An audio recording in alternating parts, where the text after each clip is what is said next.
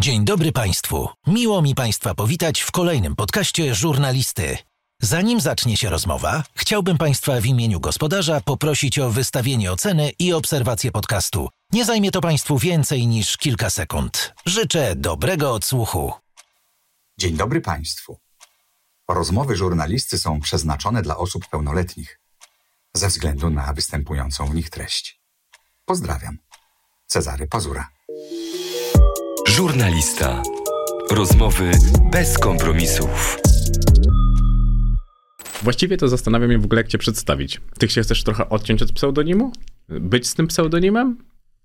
Wydaje mi się, że on mi nie przeszkadza, że jednak y, od tego się zaczęło Mhm. i więcej osób już mnie zna po imieniu i nazwisku, ale gdzieś tam ten pseudonim, czasami nawet nie pseudonim, tylko jakieś tam określenie Mhm. mojej osoby, no jest ze mną już tak naprawdę od zawsze. A jakbyś miała wybrać, to co byś jednak wolała? Myślę, że już teraz imię i nazwisko, Mhm. no bo jednak mam te 25 lat, a zaczynałam jak miałam 14, 13, coś takiego. Ale to nie jest tak, że chcę się odciąć od tego pseudonimu, bo jakby mam z nim bardzo dobre wspomnienia, lubię go, nie chciałabym go zmieniać, więc gdzieś tam może być obok zawsze. No bo to jest, e, to jest też takie interesujące, na to zwróciłem uwagę i sam sobie zastanawiałem, jak zrobiłem sobie notatki i patrząc na to, też rozmawialiśmy przed e, samym nagraniem, że wydaje mi się, że trochę chcesz zmieniać i zastanawiało mnie, czy to też jest coś takiego, od czego już chciałabyś trochę, trochę odejść. Nie. Myślę, że odejść tak całkowicie nie. Tak jak mówię, nie przeszkadza Mhm. mi to. Bardziej na przykład są inne rzeczy, które mnie tak, od których chciałabym się odciąć, no nie? Mhm. Z czego mnie tak ludzie, może nie, że chcę, żeby mnie z tego nie kojarzyli, ale to jest trochę takie męczące, jak co robię live, albo co gdzieś coś pokazuje i tak dalej. I pierwszy komentarz to jest to ta od Justina Biebera. O, to jest też bardzo interesujące, bo ja myślałem właśnie, że od tego się nie chcesz odcinać. W sensie, nie to, że chcę się od tego odcinać, tylko trochę mnie, em, powiedzmy, męczy to, że ci ludzie nic więcej, jakby nigdy nie sprawdzili mojego kanału, nigdy nie byli na moim Instagramie, ale mówią, że to ta, która, nawet nie, że ta od Justina, tylko ta, która dotknęła Justina Biebera. I że jakby nie mam nic więcej do zaprezentowania, tak w ich oczach. Stwierdziłem, że jak już będzie strasznie nudny albo będziesz mnie irytować, to będę ci tego Justina Biebera wrzucał w rozmowie. Nawet stwierdziłem, że najfajniejsze zrobić rozmowę o to, z tobą bez Justina Biebera. O, to ciekawe, no. Bo to się da. Da się. Oczywiście, że się da. I właśnie to jest też takie przykre, że czasami mam wrażenie, że poza. Ludzie myślą, że jestem tylko od tego Mhm. i tylko to mnie interesuje i spłycają to wszystko, tak, że o, ona kocha Justina Biebera i ona jest od Justina Biebera i tyle. Ale są też inne rzeczy, od których chciałabyś się odciąć? Nie, chyba. Musia... Nie, tak na pierwszą myśl nie wiem. Mhm. Dobrze, to zacznijmy od najgorszego. Dobrze. Jak to się stało, że twoje dzieciństwo to ich troje i film? Gdzie jakaś normalna muzyka? No przestań. Nie, w sensie ja rzeczywiście pierwszy koncert, na jakim byłam w życiu w 2002 roku, czyli miałam 4 latka, to było ich troje. Ja kochałam ich troje, w sensie ja te czasy pamiętam bardziej z opowieści mojej mamy, no bo jak miałam tam 4-5 lat, no to pamiętam tam takie przebłyski tylko, tak, z tego dzieciństwa. Ale rzeczywiście... No kochałam i w ogóle też pamiętam, że wszystkie dzieci w przedszkolu kochały. To nie jest tak, że byłam jedyna, to były czasy po prostu ich troje i gdzieś tam no na tej muzyce się wychowałam, no. A potem Phil. Nie wiem w sumie Mhm. skąd i dlaczego. Jezus, ja pamiętam, oni mieli takie dwa hity na pewno, takie Tak, był, były, były, ale pamiętam, że jeździłam na wszystkie możliwe koncerty. Jest już jakieś- ciemno jeden był, teraz się Tak, przypomniałem. jak anioła głos. Mhm. Dużo było, pokaż na co się stać. No serio, Co, dobrze. jakby, że ja to pamiętam, bo już jakby nie słucham teraz, tak? E, ale rzeczywiście ja od dzieciństwa to też pokazuję, że jak już kogoś lubiłam Mhm. i interesowałam się, na- słuchałam na przykład muzyki danego zespołu, to nie było tak, że ja byłam taką fanką, która tylko słucha muzyki, tylko musiałam jechać na koncert, musiałam czytać wywiady, musiałam jeździć na jakieś spotkania i tak dalej, więc ja to zawsze to wszystkim mówię, że jak moja miłość do jakiegoś tam artysty była, to zawsze taka full in, że nie było tak, że kochałam 10 zespołów naraz i byłam wszędzie. Nie, ja miałam takie swoje po prostu osoby Mhm. i właśnie zaczęło się od ich troje, no a skończyło się na tym Justinie Bieberze, no. A poznałaś kiedyś Michała Wiśniewskiego? Poznałam. I jak? To też było w ogóle takie moje marzenie, e, jako tam była 15-16-letnia e, dziewczyna, e, właśnie już mając ten kanał na Mhm. YouTubie, Pojechałam do niego do domu nawet i miałam z nim wywiad nagrywać. No, w końcu jakby tego wywiadu nie było, ale jakby poznałam go. E, I co jest w ogóle śmieszne, do teraz mamy jakiś tam kontakt, że on e, robiąc na przykład jakieś koncerty charytatywne i tak dalej, że on gdzieś tam się do mnie zawsze odzywa, pamięta Mhm. o mnie, czasami po prostu w randomowy dzień sobie do mnie dzwoni, co też jest takie, no śmieszne patrząc na to, że rzeczywiście był to mój pierwszy idol. Bardzo ciekawych ludzi przyciągasz. Michał Wiśniewski, Popek. E, No Popka poznałam przy okazji programu, tak? ale z Michałem Wiśniewskim też mam taką sytuację, że mieliśmy nagrywać podcast, już byliśmy umówieni i tak dalej. I Michał zadzwonił do mnie i Mhm. mówi, że wiesz co, a mógłbyś zabrać sprzęt i przyjechać do mojego domu? Tak, on właśnie lubi w domu udzielać wywiadów. Jak łatwo się domyślić, podcast się nigdy nie odbył. A ty dlaczego nie lubiłaś WF-u? Ojejku, No przecież dziewczyny kochały się w WF-istach często. To chyba nie u mnie. W sensie ja nie miałam nigdy takiej historii, ale jakoś rzeczywiście, patrząc na przykład, że teraz uwielbiam ćwiczyć i, i to jest zupełnie coś innego, to w szkole ten WF kojarzył mi się przede wszystkim z taką, y, z tymi wszystkimi grami zespołowymi, w które ja byłam kiepska. Mhm. Czyli siatkówka, koszykówka, zawsze obrywałam piłką, zawsze nie, do, źle odbiłam albo nie odbiłam w ogóle. I to dla mnie pewnego rodzaju była taka trauma, ten WF. Po prostu jak co tydzień, czy tam nawet nie, bo WF jest kilka razy w tygodniu, tak? Więc co był ten dzień, gdzie był WF, to ja tego kombinowałam, co by tu zrobić, żeby akurat na tym WF-ie nie być. I to jest takie przykre, bo rzeczywiście przez to ja byłam bardzo taka anty w ogóle do sportu i do wszystkiego, do jakiegokolwiek ruszania się, bo przez ten WF właśnie, że mi się to Mhm. kojarzyło właśnie z takim, że nie, to nie dla mnie, zawsze jakieś zwolnienie się udało wykombinować i ten WF ominąć. Także wydaje mi się, że przez to, że po prostu ja nie jestem dobra w takie gry zespołowe, sportowe, Mhm. i na przykład, gdyby taki WF był bardziej y, skupiał się na jakichś takich, nie wiem, ćwiczeniach, bardziej jak, nie wiem, chodzimy na siłownię, czy po prostu jakieś rozciąganie i tak dalej, to może wtedy byłoby inaczej. A u mnie to rzeczywiście było tak, że po prostu co WF, koszykówka, siatkówka, piłka ręczna. A ja byłam ani do tego, ani do tego, ani do tamtego. O, już zacząłem trochę od tego podkochiwania się w nauczycielach. To miałaś takie platoniczne miłości, jak byłaś dzieciakiem? W nauczycielach chyba nie. Mhm. Um, wydaje mi się, że nie. Ja zawsze, z tego co mi się tak kojarzy, nawet te moje właśnie czasy, gimnazjum, podstawówka, ja bardziej, bardziej w tą stronę muzyczną szłam zawsze, Mhm. że miałam po prostu swojego idola, e, tym się interesowałam, a tak z takich osób bardziej dostępnych, to mi nie przypominam sobie chyba. Za nisko, za nisko. Chyba tak, ja zawsze po prostu mierzyłam wysoko. No. Kochasz słodkie śniadania. Co najczęściej jadło się w twoim rodzinnym domu na śniadanie? O dziwo właśnie nie słodkie śniadania. E, U mnie chyba najczęściej jakaś jajecznica albo ogólnie coś z jajkami i to mi akurat zostało do dzisiaj, że właśnie kocham słodkie Mhm. śniadania, ale kocham też e, wszystkie śniadania z jajkami. Po prostu w każdej możliwym rodzaju. A to też było coś takiego, że siadaliście i faktycznie to śniadanie było ważne, albo był jakikolwiek posiłek, albo nie wiem, obiad w niedzielę. Właśnie Było coś nie. takiego, co było ważne u was? Wiem, że y, też y, w- widzę to u wielu ludzi, też dużo osób o tym mówi, że właśnie ten posiłek e, rano, to takie wspólne, nawet na filmach zawsze jest, że wszyscy siadają razem do śniadania i tak dalej. U mnie nigdy tak nie było. Moja mama pracowała e, na ósmą rano zazwyczaj, na też była szkoła. Ja, żeby wstać o takiej godzinie, żebyśmy razem usiedli jakby i zjedli śniadanie, moja siostra też zresztą, ona wstawała za pięć minut do, do wyjścia, więc rzeczywiście u nas jakby nie było takiej mm, czegoś takiego, Mhm. ale za to mieliśmy jakieś takie inne swoje, troszeczkę może inne tradycje, inne spędzanie czasu, które było takie To jakie? na przykład y, zawsze, zawsze, no praktycznie zawsze e, w weekend, w niedzielę szliśmy do babci na obiad, najczęściej ten słynny śląski, kluski, rolada. I to jest takie coś, co zostało do dzisiaj, że nawet e, teraz, jak będę jechać właśnie na święta, to wiem, że, że taki obiadek będzie na mnie czekał. Więc y, co jeszcze? Y, Właśnie ja mam du- dużo ogólnie wspomnień z dzieciństwa mam z moimi dziadkami. Mhm. To ci, co mają Instagram? Tak, to ci, którzy specjalnie mają Instagram, żeby. Chociaż moja droga, druga babcia też już założyła Instagrama, ogólnie już u mnie wszyscy mają Mhm. Instagrama, żeby wiedzieć, co u mnie, ale rzeczywiście. E, Całe moje dzieciństwo w sumie kojarzy mi się z moimi dziadkami, bo to z nimi spędzałam najwięcej czasu. I jak z nimi spędzałaś czas? Bawiłaś się? Miałaś jakieś takie ulubione rzeczy, które lubiłaś robić z dziadkami? Ogólnie mój dziadek e, za, jakby zawsze chciał mi ten czas jakoś tam, żebym fajnie go spędzała, Mhm. tak? Więc y, pierwsze takie moje wyjazdy, nawet w Polsce, gdzieś w góry i tak dalej, kiedy moja mama pracowała, to zawsze y, właśnie z dziadkami jeździłam, czy nad morze, czy w góry. Nie było wakacji, żebym tak gdzieś z nimi nie, nie pojechała, Mhm. a więc, y, więc to, no i też nawet jak, y, jak była szkoła i właśnie były wakacje że się siedziało w domu, to żeby nie siedzieć samej w domu, no to zawsze siedziałam u dziadków, bo moja mama, tak jak mówiłam, była w pracy, no nie? Więc y, I to było też z siostrą ten czas? tak, tak, to też z siostrą, no.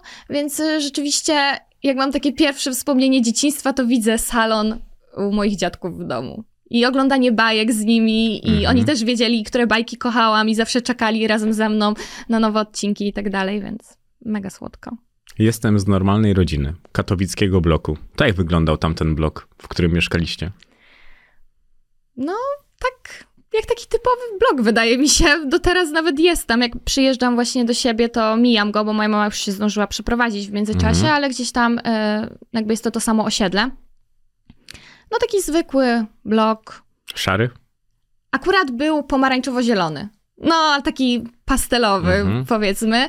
Em, no, ale to było ma- małe mieszkanie, Mhm. ale mi to nigdy nie przeszkadzało na przykład. Ja nie miałam czegoś takiego, że o, marzę o tym, żeby teraz w tej chwili mieszkać w wielkim apartamencie, albo dlaczego nie mieszkamy w domu, wszystkie dzieci mieszkają w domach, a my mieszkamy w 30-metrowym mieszkaniu A miałaś swój pokój, czy nie miałaś? z siostrą. Jeden dzieliłyśmy. A dużo czasu spędzałaś na podwórku, jak już nie byłaś u dziadków? Właśnie nie. Ja byłam takim dzieckiem, że ja kochałam siedzieć w domu. I ja naprawdę, mi to do teraz zostało, że jak ja nie mam za dużo jakby rzeczy na głowie, to ja lubię sobie posiedzieć w domu. Nawet sama. Ja mieszkam sama i jakby mi to nie przeszkadza, że ja siedzę, nie potrzebuję dzwonić do koleżanki, chodźmy gdzieś, róbmy coś. Ja sobie sama czas jakby zagospodaruję. Ale rzeczywiście, nawet miałam taki okres, że wiedziałam, że wszystkie moje koleżanki wychodzą na dwór na rower. Fun fact, nie umiem jeździć na rowerze na przykład. Naprawdę? Jestem aż tak po prostu do takich... Serio, nigdy się nie nauczyłam. Mam 25 lat i nie umiem jeździć na rowerze, no więc jakby dla ludzi to będzie szok, ale mnie też nigdy do tego nie ciągnęło. Nigdy nie miałam czegoś takiego, że wszyscy mówili idziemy na rower, a ja miałam takie, no nie wiem, ja nie chcę, jakoś to nie dla mnie. To jest niesamowite. Jeszcze No. wyobrażam sobie, jak można nie potrafić. Znaczy, ja nie potrafię pływać, więc może to jest taka sama dysfunkcja, właśnie, no. ale, ale jazda na rowerze to jest też W sensie coś- jakbym wsiadła, myślę, że przejechałabym parę metrów. To nie jest tak, żebym Parę z niego metrów. spadła i tak dalej, ale mi to po prostu nawet nie sprawiało frajdy. Jak ja już Mhm. potem miałam takie podejście, żeby się nauczyć, to dla mnie to było męczące. Ja mówię, dlaczego... Okej, w sensie, no rozumiem, każdy ma to, każdy Mhm. lubi inne rzeczy, ale ja wsiadam na ten rower i miałam takie, co ludzie jakby w tym lubią. Jakby dla mnie to było męczące. Ja mówię, nie, wolę się przejść. Szczerze, Ale wolę to miałaś na już, spacer. miałaś już komputer, bo zastanawiamy, co robiłaś w tym domu. Mm, kurczę, czy miałam komputer? Może miałam, ale też ja miałam komputer jakoś później. Mhm. Nie miałam jakoś tak od dzieciaka od razu, więc co, jakby ja miałam dużo swoich zabaw. Ja kochałam bawić się lalkami, Mhm. e, kochałam układać Lego. E, ja w ogóle od dziecka zbierałam wszystko, więc u mnie po prostu w domu można było znaleźć kolekcję wszystkiego. E, I też tym się potem bawiłam, tym, że tym, co sobie tam zbierałam, układałam. E, Kochałam bawić się też w, szkołę z moją Mhm. siostrą. To była moja ukochana zabawa. Dla mojej siostry niekoniecznie, bo ona będąc w pierwszej czy drugiej klasie podstawówki musiała już umieć ułamki, bo ja byłam te 5 lat wyżej, więc ja uczyłam Mhm. tego, co ja miałam w szkole, a nie to, co ona ma. I takim jakby, jakby przez to, ona rzeczywiście będąc w tej pierwszej i drugiej klasie, ona już jakby umiała na przykład ułamki. Więc y, może jej to trochę pomogło. E, natomiast, y, no to na przykład kochałam. I kochałam też, żeby robić, u, być taką powiedzmy panią nauczycielką, która robi przedstawienia, wymyśla i uczyłam moją siostrę tam piosenek, które będzie prezentować. Jakby ta klasa składa się z jednej osoby, czyli z Mhm. niej. No i potem na przykład y, zbierałam właśnie dziadków, moją mamę i mówiłam, że jest przedstawienie na przykład z okazji zakończenia szkoły. I moja siostra występowała, a ja dyrygowałam wszystkim. Świetne, ogólnie patrząc na to, jak potrafiłeś zorganizować sobie świat. A mama brzmi jak centrum świata, ale też trochę takie przygaszone ze względu na to, że cały czas powtarzasz to, że była w pracy. no bo ona ale- pracowała w banku, tak? Tak, tak. Ale nie to, że mam y, z tym jakieś złe wspomnienia. Mhm. Jakby nie, totalnie nie. Ja miałam super dzieciństwo. I też to nie jest tak, że ta mama była ciągle w tej pracy, tak? My też jeździliśmy wspólnie na wakacje, no tylko wiadomo jest to, że jak na przykład wakacje trwały dwa miesiące, no to dwa tygodnie z nich spędzałam z mamą tak stricte, na przykład na wakacjach gdzieś, no a resztę siedziałam z dziadkami, dlatego też taki mój punkt odniesienia, rzeczywiście z tymi dziadkami bardziej mi się to kojarzy. Mhm. E, natomiast... E, Natomiast nie, jakby totalnie mm, to nie było też tak, że, że jakoś byłam odcięta od tej mamy, jakby nie. Okej, a wiesz, wpisując dzisiaj w Google twoje imię i nazwisko, to pierwsze co, znaczy może nie pierwsze, sko- ale jedno tam z dziesięciu Mhm. e, rzeczy, które wyskoczyło, było tata. I zastanawiało mnie też, bo często mówisz rodzice, Mhm. ale w odniesieniu do mediów mówisz mama. Tak. Twoi rodzice się rozwiedli? Tak. Jak byłam dzieckiem. Więc y, ja mam kontakt z moim tatą Mhm. teraz. Natomiast no rzeczywiście w tych moich wszystkich historiach czy wspomnieniach, no on się nie pojawia, bo ja miałam wtedy z 6-7 lat. Wydaje mi się, że byłam no jakoś w pierwszej klasie podstawówki, coś Mhm. takiego. Więc to było w tym przedziale, więc jakby te wszystkie wspomnienia wcześniejsze, jakby no ja byłam dzieciakiem, no nie pamiętam za bardzo, co robiłam, jak miałam 5-4 latka, Mhm. tak? No wiem, że jeździliśmy też na wakacje, moja mama mi pokazywała zdjęcia, że byliśmy gdzieś i tak dalej, ale ja tego nie pamiętam, bo byłam za mała. Natomiast no te wszystkie już jakby wspomnienia z mojego dzieciństwa, no to bardziej odnoszą się do tych późniejszych czasów, a już wtedy moi rodzice nie mieszkali razem, nie Mhm. mieszkałam z moim tatą, więc też... Wielu tych wspomnień z nim nie mam. Chociaż nie mówię, że nie mam w ogóle, bo rzeczywiście jakby kontakt ze mną utrzymy, utrzymywał i utrzymuje nadal. Też co jakiś czas zabierał mnie na jakieś wakacje, e, czy teraz e, on miesz- nie mieszkał już jakby Mhm. nawet w Katowicach, natomiast tam, gdzie mieszka, to odwiedzam go zawsze w święta, e, jeżdżę do niego. Także, także kontakt jest. Jakby mniejszy, wiadomo, niż z mamą, z którą jakby Mhm. jestem na co dzień, natomiast ten kontakt jest. Okej, bo zastanawiamy, bo tak zaznaczyłaś, że teraz i właśnie myślałem, że to była jakaś taka luka w tym całej waszej relacji i że nie mieliście ze sobą kontaktu. No, był lepszy i gorszy, nie Mhm. mówię. No teraz jak jestem już dorosła, wydaje mi się, że jest taki najlepszy, taki najbardziej po prostu... No, że jakby po prostu odwiedzam go i tak dalej. On czasami przyjedzie do Warszawy, no też inaczej. Jak byłam dzieckiem, też miałam takie, że wydawało mi się, i może tak było, że jakby dla mnie najważniejsza była moja mama. I ja nie Mhm. potrzebowałam wtedy nikogo innego. To byłaś taką córeczką mamusi? No, można powiedzieć, że tak, bo rzeczywiście ta moja mama była dla mnie największym wsparciem we wszystkim. I tak naprawdę, no, była w każdej, jakby moim takim najważniejszym. Tworząc, też ona była osobą, która się. Jak, jak zaczęłam działać na YouTubie, Mhm. tak, no to też ona była osobą, która się dowiedziała o tym jako pierwsza. Mój tata przez chyba pierwsze dwa lata w ogóle nie wiedział, o co w tym chodzi. I też jakby ja nie miałam potrzeby mu te, wtedy tego na przykład tłumaczyć i tak dalej. Bo to z mamą byłam na co dzień, mama widziała jak tworzę, jak nagrywam, no bo to się działo u niej w domu, u na, jakby u nas, więc, więc tak. Te pierwsze 50 euro z e, Tak. wyświetleń. Ty masz talent do matematyki po mamie? Właśnie nie. Moja mama nigdy, zawsze jak było jakieś ciężkie zadanie i już potrzebowałam czyjejś pomocy, to moja mama mówiła, tylko nie patrz na mnie, bo ona nie rozumiała połowy z tego, co ja, co ja tam robiłam. E, mój dziadek, Mhm. e, z tego, co moja mama mi jakby mówiła, E, No bo w sensie dziadek też czasami rzeczywiście po, pomagał mi w tej matematyce, ale moja mama zawsze wspominała właśnie, że jak ona miała problemy z matematyką, no to dziadek i chyba po nim ta matematyka tak gdzieś tam we mnie została. Przypominasz mocno swoich rodziców? Jak jeszcze patrzysz na nich teraz z perspektywy już dorosłej kobiety, Może trochę tak. kogo z czego? Mm, Czas, na pewno widzę w niektórych takich po prostu w codziennych zachowaniach, yy, że jestem podobna do mojej mamy. Nie jestem w stanie powiedzieć co konkretnie, ale rzeczywiście czasami jak patrzę na nią, jak jadę, jadę do Katowic i widzę, jak ona coś robi, to mówię, o, że ja w sumie zachowałabym się tak samo, albo Mhm. tak, taki sam styl po prostu bycia. Dużo też na pewno, na pewno też to mam po mojej mamie, że ja kocham podróżować. I moja mama naprawdę, moja mama jest co tydzień gdzieś. Ja tylko po prostu widzę na Instagramie, że ona, w sensie głównie nawet też po Polsce jeździ i tak dalej, i że ona nie usiedzi w miejscu. I ja też swojego czasu miałam taki okres, że ja po prostu, teraz już się troszkę uspokojam i teraz już więcej Mhm. siedzę w Warszawie, ale rzeczywiście miałam takie coś, że siedziałam tu dwa tygodnie i mówiłam, nie, już muszę gdzieś lecieć, już muszę coś zrobić, jakby chcę gdzieś polecieć i tak dalej. No to bardzo interesujące.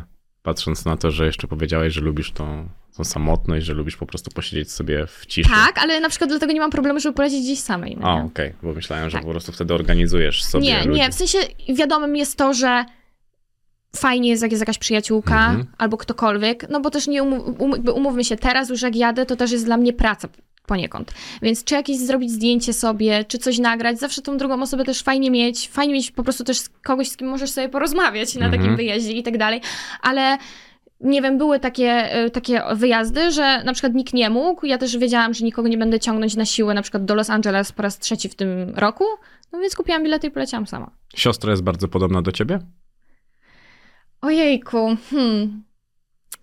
Trochę jest. Obie jesteśmy w ogóle takie bardzo nieśmiałe, jeśli chodzi o kontakt tak z ludźmi. Trochę się bałem tego w tej rozmowie, tak No. szczerze powiedziawszy. Ale bardzo dobrze sobie radzisz. A to się cieszę, bo ja jak już ogólnie zacznę mówić i tak zapomnę i to jest okej, ale rzeczywiście jakby nawet w towarzystwie po prostu, jak Mhm. są jakieś nowe osoby, to często słyszysz właśnie, że ktoś myśli, że ja go nie lubiłam na początku i tak dalej, Mhm. bo ja po prostu jestem bardzo taka zamknięta i ja nie odzywam się sama z siebie. Jak ktoś mnie o coś zapyta, to odpowiem.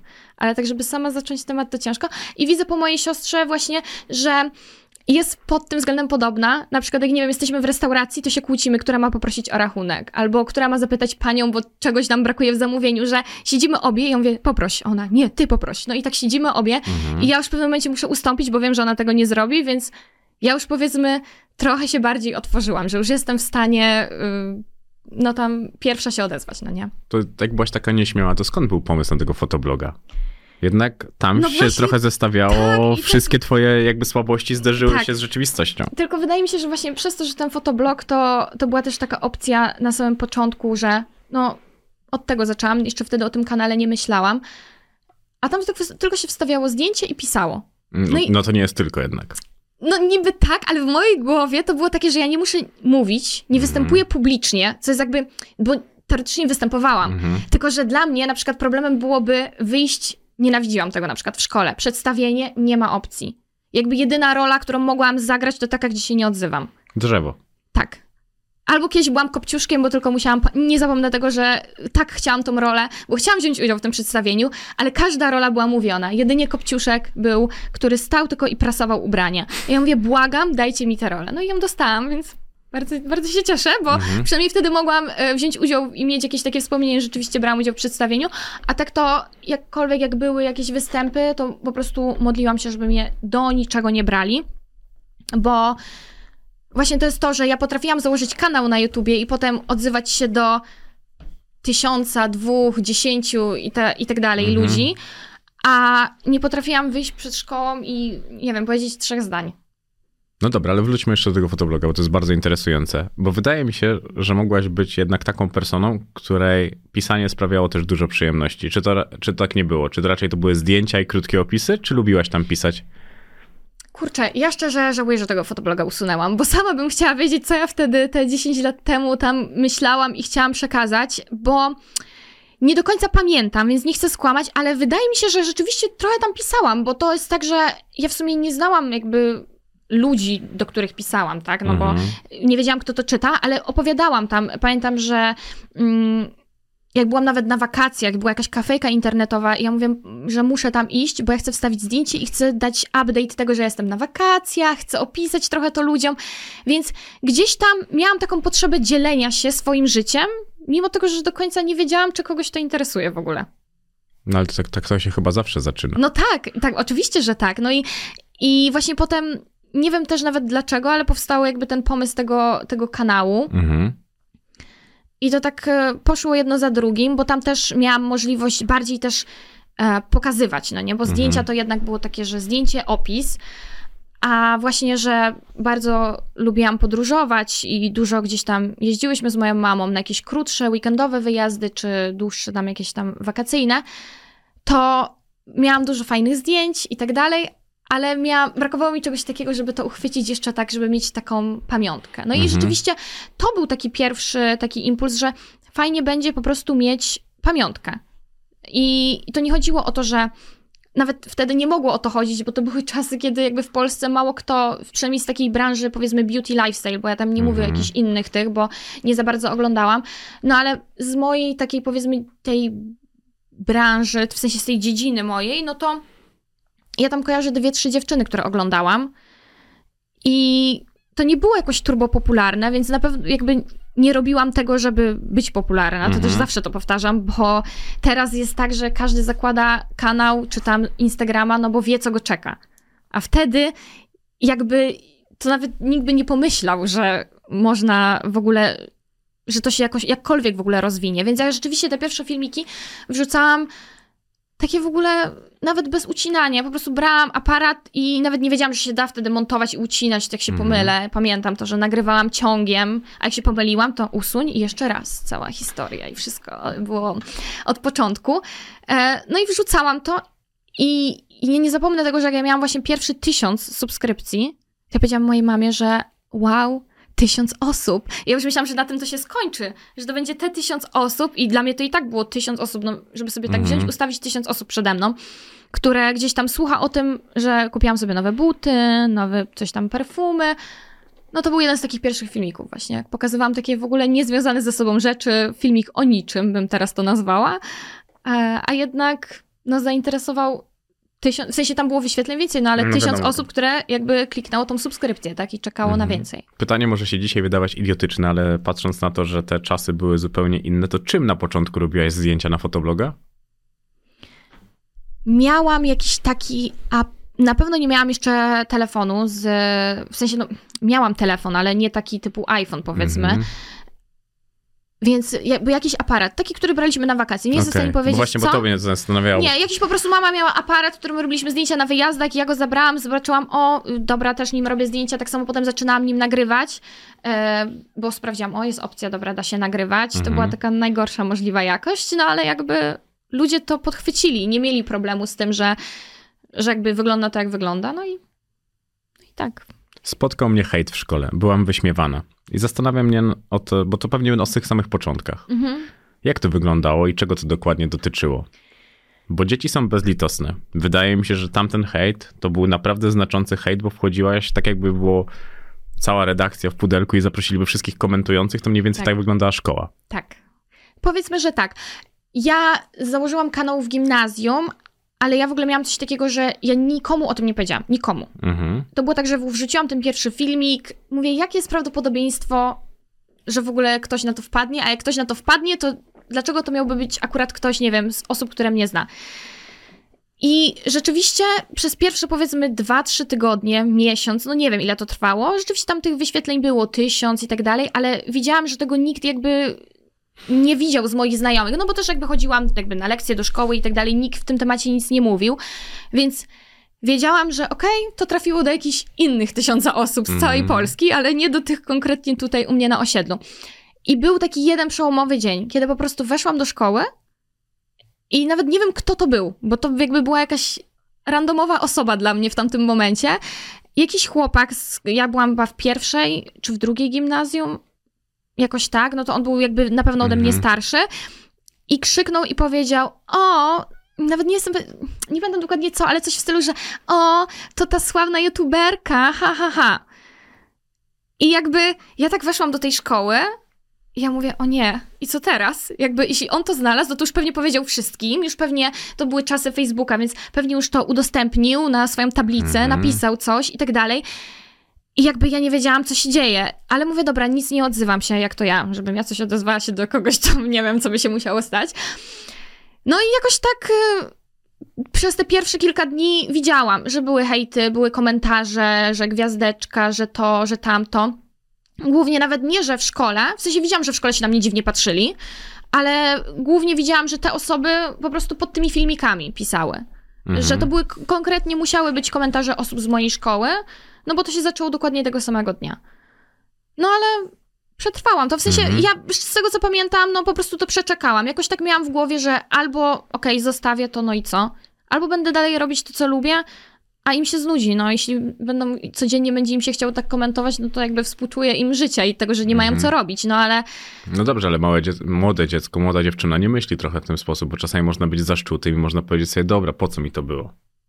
Ni- nigdy tak nie pomyślała? Nie. A to niesamowite. Nie, naprawdę.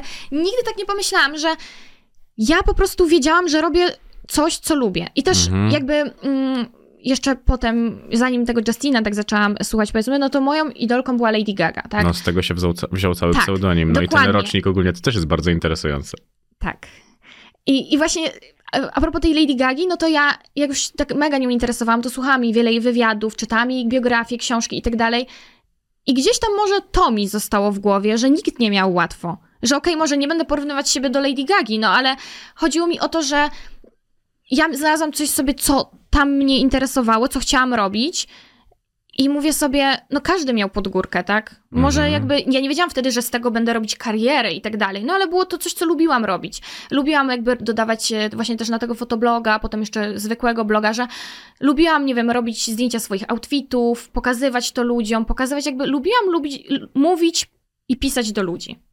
I Mhm. mówię, że nie chciałam może, miałam też takie w głowie, że nie chcę może też męczyć moich koleżanek i jakby to, co chcę przekazać jakby szerszej e, widowni, na przykład takiego Justina, czy to tą Lady Gaga, że ja lubiłam opowiadać o tych wszystkich rzeczach, a niekoniecznie na przykład moje koleżanki chciały po raz dziesiąty tego dnia słuchać o tym, że Lady Gaga coś tam, Justin Bieber coś tam, tak?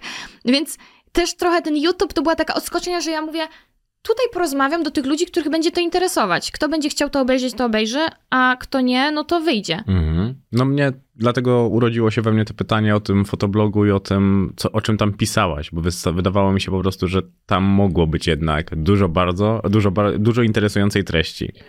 bardzo prawdopodobne, tak, że rzeczywiście, no po coś to robiłam, że chciałam coś z siebie wyrzucić Mhm. dla ludzi, których to zainteresuje, którzy też jakby mają podobne zainteresowania. W gimnazjum też miałaś pierwszego chłopaka. Tak, Pamiętasz imię? yy, tak, Kuba. Ale musiałam się chwilę zastanowić, bo szczerze mówiąc, dla mnie to na ten moment no to, to nie nazwałabym tego jakimś tam turbozwiązkiem, no nie? Ale jakby na tamte czasy, no to powiedzmy, był to mój pierwszy chłopak. Byłaś kochliwą nastolatką? Ja... mm, Tak, ale bardzo, po prostu ja... Tak, ale no. Bo ja, jak to teraz, w sensie jakby ogólnie jak się mówi, że miałam zawsze tam jakiegoś swojego crusha, tak? Mhm. Którego wypatrywałam na korytarzu i byłam ciekawa, co robi po szkole To i nie tak był dalej. Kuba. Nie, w sensie nie, no jak byłam z Kubą, no to nie, to Dobra, był Kuba. dobra. Chodzi mi o to ogólnie, że jak patrząc, no bo to był taki mój jedyny związek, Mhm. w sumie aż do no tamtego roku powiedzmy, że ja nigdy nie miałam, jakby nie byłam w związkach, ale jakby miałam takich swoich cruszy, co tak mi się podobali i tak dalej, głównie właśnie w szkole, nie? Więc... Czekaj, bo ja tutaj... Ty miałaś tego jednego chłopaka, a po, potem tego drugiego dopiero? Tak. Dlatego mówię, że ten mój drugi, tak naprawdę pierwszy, bo tak jak mówię, Mhm. tamten związek to dla mnie y, w sumie nie był związek tak do końca, z perspektywy czasu, no to ten ostatni mój to tak naprawdę był moim pierwszym chłopakiem w życiu. Coś tu poszło e, zdecydowanie nie tak. A prowadziłaś kiedyś dziennik albo pamiętnik? Tak. I mam je do dzisiaj w ogóle. No to kiedy to prowadziłaś? Bo to mogą być interesujące Właśnie w dane. tych y, czasach gimnazjalnych. No i co tam na przykład pisałaś? Ja ogólnie pisałam, opisywałam tam każdy dzień, więc to jest naprawdę dużo Mhm. y, informacji, bo prowadziłam to przez około 3 lata. Wow, to naprawdę długo. Tak. Mam je naprawdę jeszcze, w ogóle przez dwa ostatnie dni robiłam porządki w mieszkaniu i gdzieś tam wpadły na mnie. E, prowadziłam to w takim jak zwykły taki kalendarz, taki na każdy dzień, jak jest strona, no to właśnie ja tak każdy Mhm. dzień swój opisywałam. I jakby wklejałam tam wszystko, co związane było. Na przykład też, nie wiem, byłam w kinie, no to wklejałam bilet do kina, no i opisywałam, co się działo, jakieś tam moje rozterki miłosne, a mój crush coś tam i tak dalej. No takie nastoletnie historie. No dobra, że teraz jestem już ciekawy, co kto był tym twoim crashem, bo to się na pewno zmieniało. No miałam, w sensie nawet A miałeś takich w polskim show biznesie? No na pewno miałaś. w polskim show biznesie miałam. No to kto to był? E, Maciek musiał. No dobrze, i dalej? Przecież to tak było ich pewnie masa. Mm. Jak zaczął się... Przez chwilę Dawid Kwiatkowski, jak byłam Mhm. właśnie w tych czasach w gimnazjum. Pamiętam, że Mhm. byłam na jego kilku koncertach. Jeszcze wtedy go jakby nie byłam, powiedzmy, na tyle popularna, że my potem po latach się poznaliśmy już i tak Mhm. dalej. I, I tak samo na przykład z Maćkiem musiałem, ale No taka zanim... podróbka Justina Biebera w Polsce trochę, Dawid? Dawid. No w sensie na, tam, na tamte czasy bardzo jeszcze miał taki vibe właśnie na Justina. Też czasami miał covery jego piosenek, to już w ogóle, o, Mm. byłam w siódmym niebie. No więc, hmm, kto jeszcze? Wydaje mi się, że z polskich to chyba tyle. Chociaż ktoś, hmm. Nie wiem. Dobra, a jeszcze powiedziałeś, że w liceum spotkałaś osoby, które wprost mówiły, że cię nie lubią. To już jest dużo większa liga, żeby powiedzieć komuś wprost, Tak. że się kogoś nie lubi. A jeżeli ty mówisz, że byłaś taka wycofana, to jest bardzo interesujące zderzenie. No, ja w ogóle na początku, nawet jak przyszłam e, do liceum, no to ja w ogóle nie poszłam z żadną koleżanką, tak, z gimnazjum. To też było dla mnie takie trochę Ale dlaczego? ciężkie, no bo każda z moja koleżanka szła do innej szkoły. Ja wybrałam szkołę, której nie wybrała żadna moja koleżanka. To co to była za szkoła, bo może tutaj już będzie odpowiedź. Nie, w sensie po może prostu to był wybrałam, poprawczak, wybrałam taki kierunek, że no że nikt normalnego nie wybiera, tak? nie, akurat byłam na kierunku dziennikarskim, Właśnie. ale y, w ogóle zmieniłam potem wszystkie swoje rozszerzenia i tak jakby rozszerzałam matematykę, więc Mhm. już jakby to pominimy. Ale rzeczywiście to było takie dla mnie ciężkie pewnego e, rodzaju, że rzeczywiście poszłam do tej szkoły, no i nie znałam tam nikogo w tej klasie, tak? A już to był ten moment, kiedy miałam powiedzmy chyba te prawie 100 tysięcy na YouTubie. No to już jakby byłam tam jakkolwiek rozpoznawalna. I widziałam to, że wchodząc tam do tej szkoły, ogólnie do tej klasy potem pierwszego dnia, widziałam, że ci ludzie mnie kojarzą. I to jest właśnie takie, że ja potem na przykład wiele mam, do dzisiaj mam na przykład moją najlepszą przyjaciółkę z liceum. Ona Mhm. też mieszka teraz w Warszawie i cały czas mamy kontakt. Tylko, że chodzi o to, że z czasem ja tych ludzi poznałam i okazało się, że wszyscy są super. Tylko, że właśnie najgorsze jest to, że jak ja tam przyszłam, to oni wszyscy znali mnie, a ja ich nie. I to było takie najgorsze, że ja widziałam ich spojrzenia, widziałam, że oni coś między sobą mówią, o to ta, to tamta. A ja jestem taka, że ja nie podejdę sama i hejka, tak, coś tam, poznajmy się. Mhm. Nie. Ja stałam z boku i czekałam trochę na cud. O treści, niech ktoś do mnie sam podejdzie i sam do mnie zagada. No i na szczęście moja obecna przyjaciółka tak Mhm. zrobiła. Bo ja pewnie sama bym się nie odważyła i może bym przez to, nie wiem, całe liceum nie miała znajomych. Ale były też jakieś tak przykrości, które, które cię spotkały w liceum? Pluli ci pod nogi? No nie mam pojęcia, jak mogło to wyglądać. Roxy Węgiel w ogóle miała taką sytuację, że poszła do liceum i też było tak, że każdy już ją znał. No i wtedy stwierdziła, że pójdzie na e, szkołę, do szkoły indywidualnej, Mhm. czy tam e, nauczanie indywidualne, żeby po prostu wyeliminować czynnik ludzki i uczyła się już w domu. Więc miałaś jakieś przykrości? Takich konkretnych chyba nie. Sam taki po prostu, sama taka atmosfera, tak, że widziałam po prostu spojrzenia ludzi, komentarze, że coś tam na mnie wskazują, przechodząc koło Mhm. mnie i tak dalej.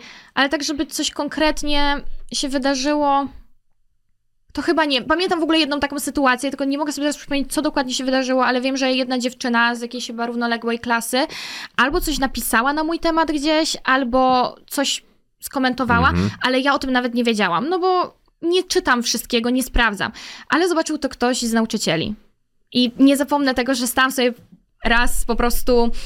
E, to chyba było, no gdzieś tam na przerwie i tak dalej, i nagle do mnie podchodzi właśnie pani nauczycielka z, ta, z tą dziewczyną i mówi, że tutaj, nie wiem, załóżmy Kasia. Kasia chce ci coś powiedzieć. No i ja stoję tak, w ogóle nie wiem o co chodzi, a ona tak stoi i mówi: Bardzo cię przepraszam za ten komentarz, który napisałam na twój temat i tak dalej. Więc byłam w szoku, no bo ja tego nawet nie, nie widziałam, Mhm. ale tutaj jakby no szkoła jakkolwiek tam zareagowała i jakby od razu ją postawili tak, że ona przyszła do mnie i, i mnie przeprosiła.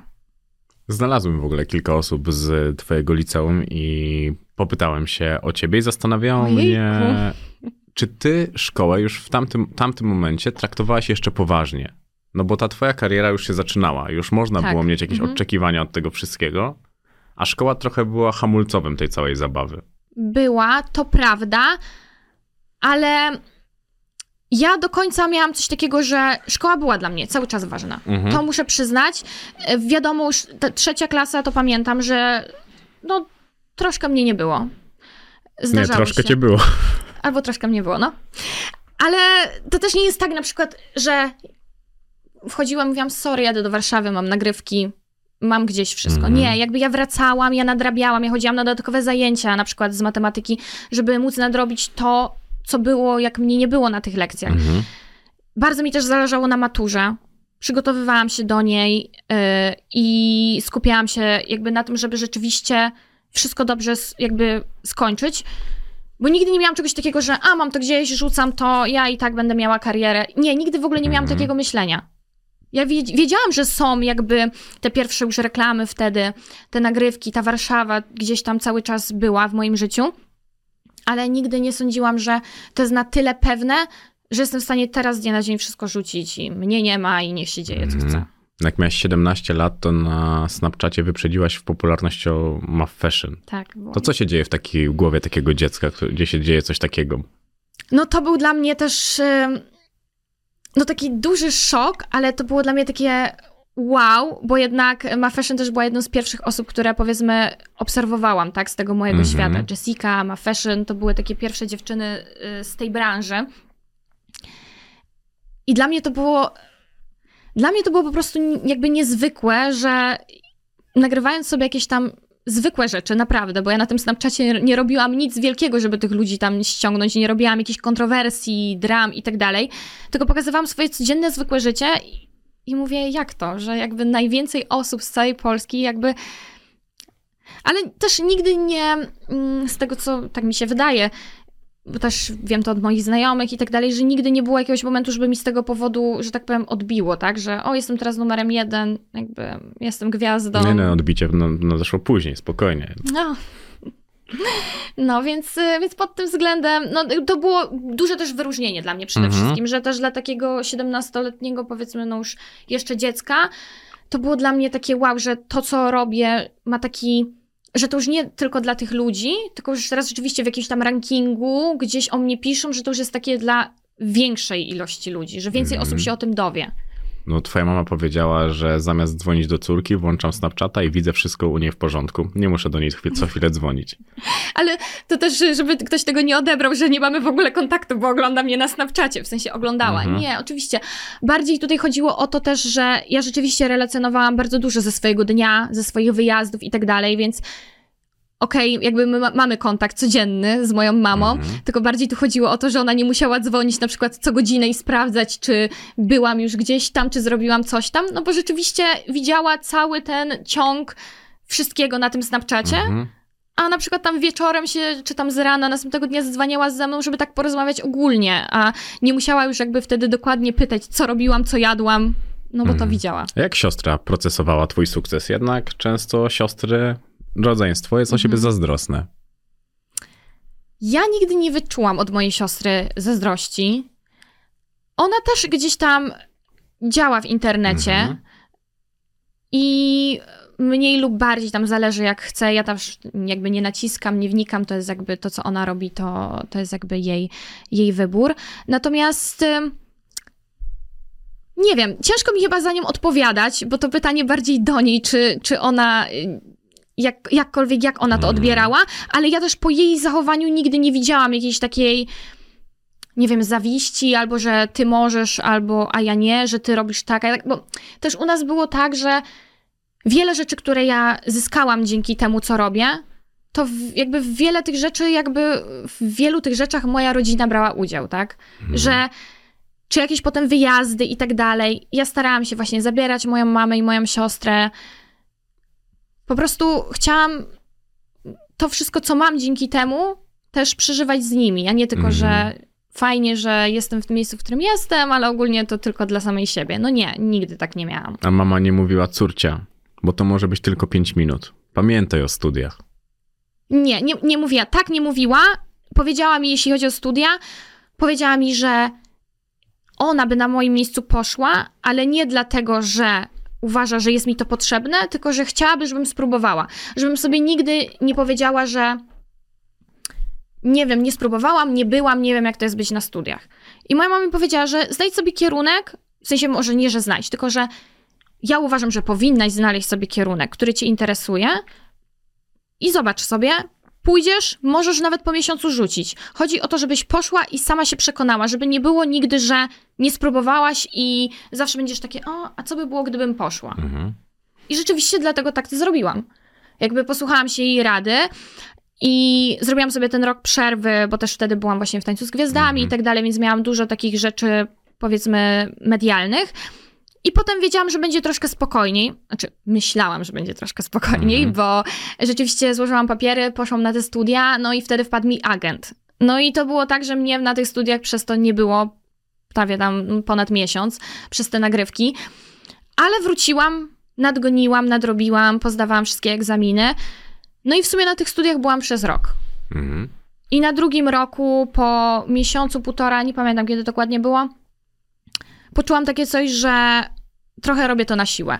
Że fajnie było, że spróbowałam, że rzeczywiście też kierunek, który wybrałam, był dla mnie fajny. Co to było? Amerykanistyka. Mhm. Więc jak to się pyta, co można po tym robić, ja mówię, nie wiem, bo nie poszłam, żeby coś po tym robić. Bardziej poszłam właśnie dla tego procesu, żeby pójść, pójść na te studia i żeby po prostu też posłuchać, pouczyć się o czymś, co mnie interesuje. I jakby dla mnie to było fajne, rzeczywiście. Uczyłam się na te egzaminy o, nie wiem, geografii Stanów Zjednoczonych, o historii Stanów Zjednoczonych, czyli coś, co mnie tam gdzieś interesowało, tylko że tutaj byłam z tego sprawdzana, tak? No Mhm. i jakby musiałam e, tą wiedzę mieć. Ale jakoś, nie wiem, na tym drugim roku miałam coś takiego, że już za dużo wiedziałam, że się też dzieje u mnie, po prostu w sensie tam medialnie, powiedzmy, Mhm. w branży. I też dużo było takich, że tu nie pójdę, musiałam wybierać między jednym a drugim. Też miałam jeden wyjazd, pamiętam, i przez, nie, przez ten wyjazd na przykład musiałam mieć potem poprawkę, bo w sensie nie mogłam podejść do egzaminu i tak dalej, więc strasznie dużo W kombinowania ogóle było. bardzo dużo się w twoim życiu działo. Od tego 17 roku życia, Tak. te życie wydaje się, że tak. Tak. No ja się też tak trochę czuję. Że ja mam 25, a te 17 to mi się z jednej strony wydaje, jakby to było przed chwilą, a z drugiej strony tyle się wydarzyło w tym czasie, odkąd, no bo w sumie, no ja o, no to nie, no powiedzmy 17, no ale od 19 jak miałam, to się przeprowadziłam do Warszawy. I no po prostu dużo się działo. Mhm. Tutaj chwila przerwy.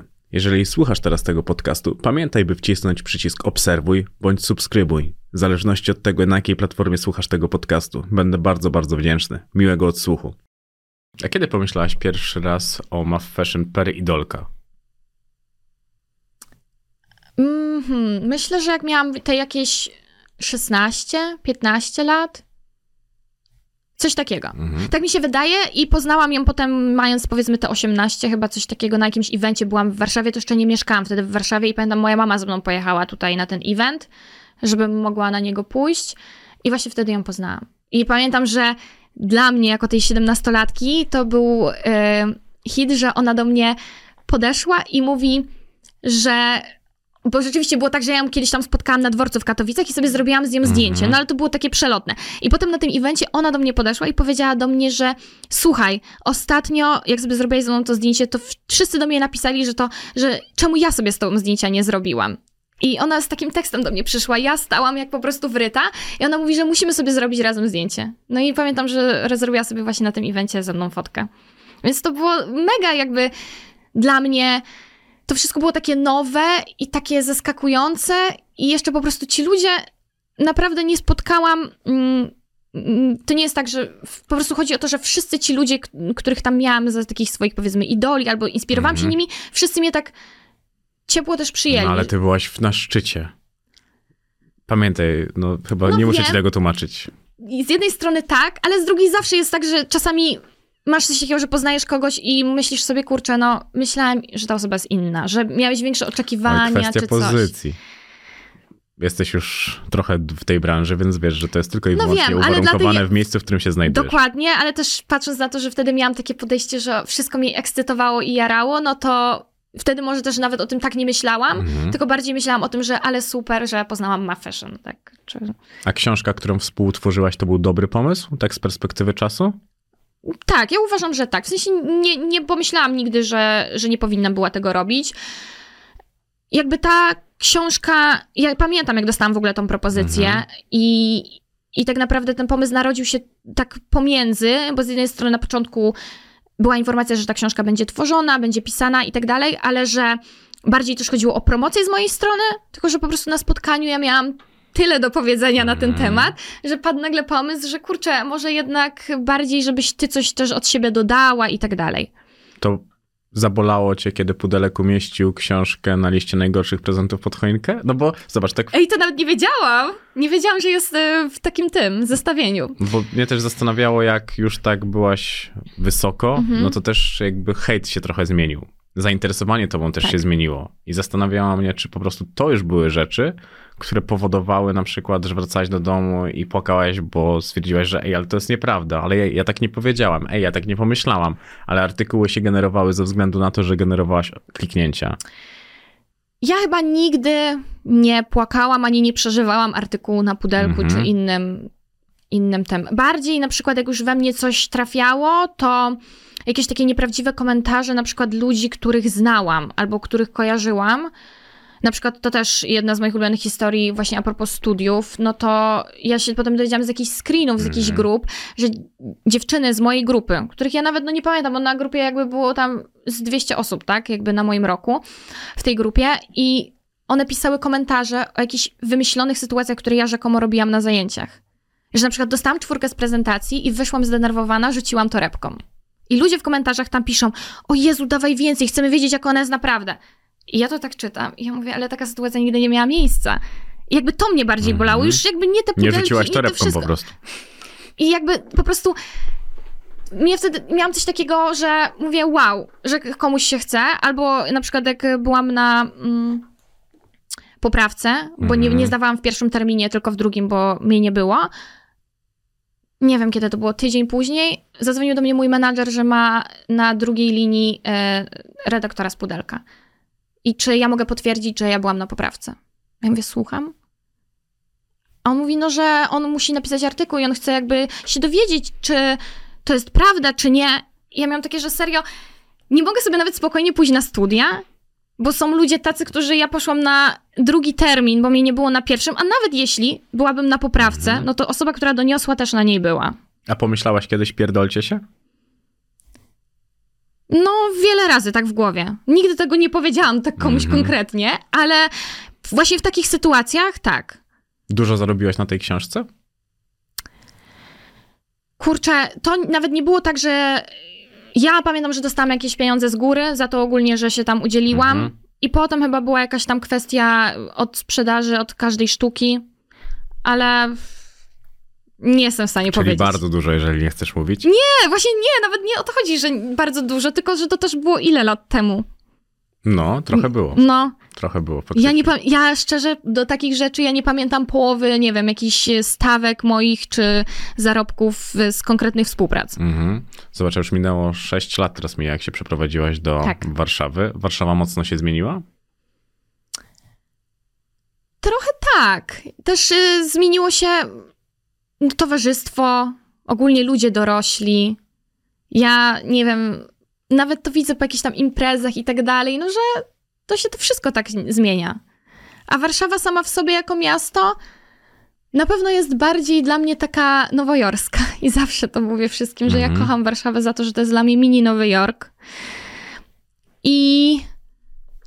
Ale nie mam czegoś takiego, że, że ta Warszawa, że mi się, nie wiem, znudziła albo mnie przerosła. Dużo mam takich znajomych, którzy mówią, ja nie mogę tu mieszkać, tu mnie przytłacza wszystko, tu jest to, tamto. A ja mówię, ale co was przytłacza? Jakby ja jestem stworzona na przykład do życia w Warszawie. Ja kocham to, że tutaj codziennie można coś robić. Można, ale nie trzeba. Też umiem sobie powiedzieć, nie, dzisiaj nie wychodzę, albo nie, nie chce mi się iść na ten event, bo to trzeci w tym tygodniu na przykład. I po prostu też umiem jakby sobie dawkować te wszystkie rzeczy. Ale właśnie dla mnie super jest to, że tutaj zawsze jest, nie wiem, z kim wyjść. Mhm. Ja nawet mogę sobie wyjść sama, przejść się na spacer, nie wiem, po rondzie ONZ, Daszyńskiego, aż do centrum. Nie wiem, kocham Warszawę po prostu. Dużo z tych osób, już mówiąc o branży, przepadło. Patrz, jak patrzysz na początki, czy dużo ludzi przepadło w używkach? Powiedziałaś sama, że Warszawa pochłania. Tak. Pochłania. W sensie, ja też wśród swoich najbliższych osób, co można zauważyć, ja nie mam wiele osób na przykład z tego Z świata medialne, medialnego. Ze świata medialnego. Mhm. U mnie rzeczywiście te najbliższe dla mnie osoby to są osoby spoza. Mhm. Ale jest tam kilka osób, powiedzmy, z którymi mam lepszy bądź gorszy kontakt. No i ogólnie wiele osób znam. No, Mhm. ciężko nie znać tych ludzi, kiedy widuje się ich na eventach i to są ciągle te same twarze, więc jakby gdzieś tam się ciągle mijamy i tak dalej, jakieś wspólne imprezy. Więc wracając do pytania, uważam, że tak. W sensie, że dużo osób na pewno y, gdzieś tam traci trochę głowę przez to. Mhm. A pamiętasz, kiedy pierwszy raz ktoś ci zaproponował kokainę albo coś innego?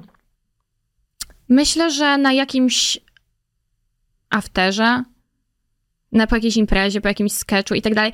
I jakby dla mnie to wtedy było jakby... No ile mogłam mieć lat? 19, tak? Mhm. Ale jeszcze tak nie imprezowałam się. No tak z 20 może miałam, bo ja jak się przeprowadziłam, to od razu nie chodziłam na imprezy. No więc ja byłam w ogóle wtedy w szoku. W sensie wiedziałam, że takie rzeczy się dzieją, ale bardziej z piosenek, a nie z życia. A kiedy pierwszy raz się złamałaś i trochę uległaś temu życiu właśnie melanżowemu? No właśnie. U mnie- Miałaś taki moment. Tak, tak. Właśnie teraz chcę pomyśleć, że u mnie w sumie było tak, że ja na przykład nie imprezowałam w ogóle, jak nie byłam pełnoletnia. Wiele osób ma tak, że jak ma już te 16, 17, to już się tam zrywa, jakieś tam pierwsze domówki, nielegalny alkohol i te sprawy. Ja na przykład byłam zawsze anty, nie lubiłam. Zawsze mnie to denerwowało, że ludzie, w sensie moi znajomi, że idą na jakieś imprezy, że się chowają gdzieś tam przed rodzicami, alkohol pod łóżkiem i tak dalej. Ja miałam takie, że serio po co? Więc ja na przykład w ogóle nie miałam takiego okresowego życia takiej typowej nastolatki.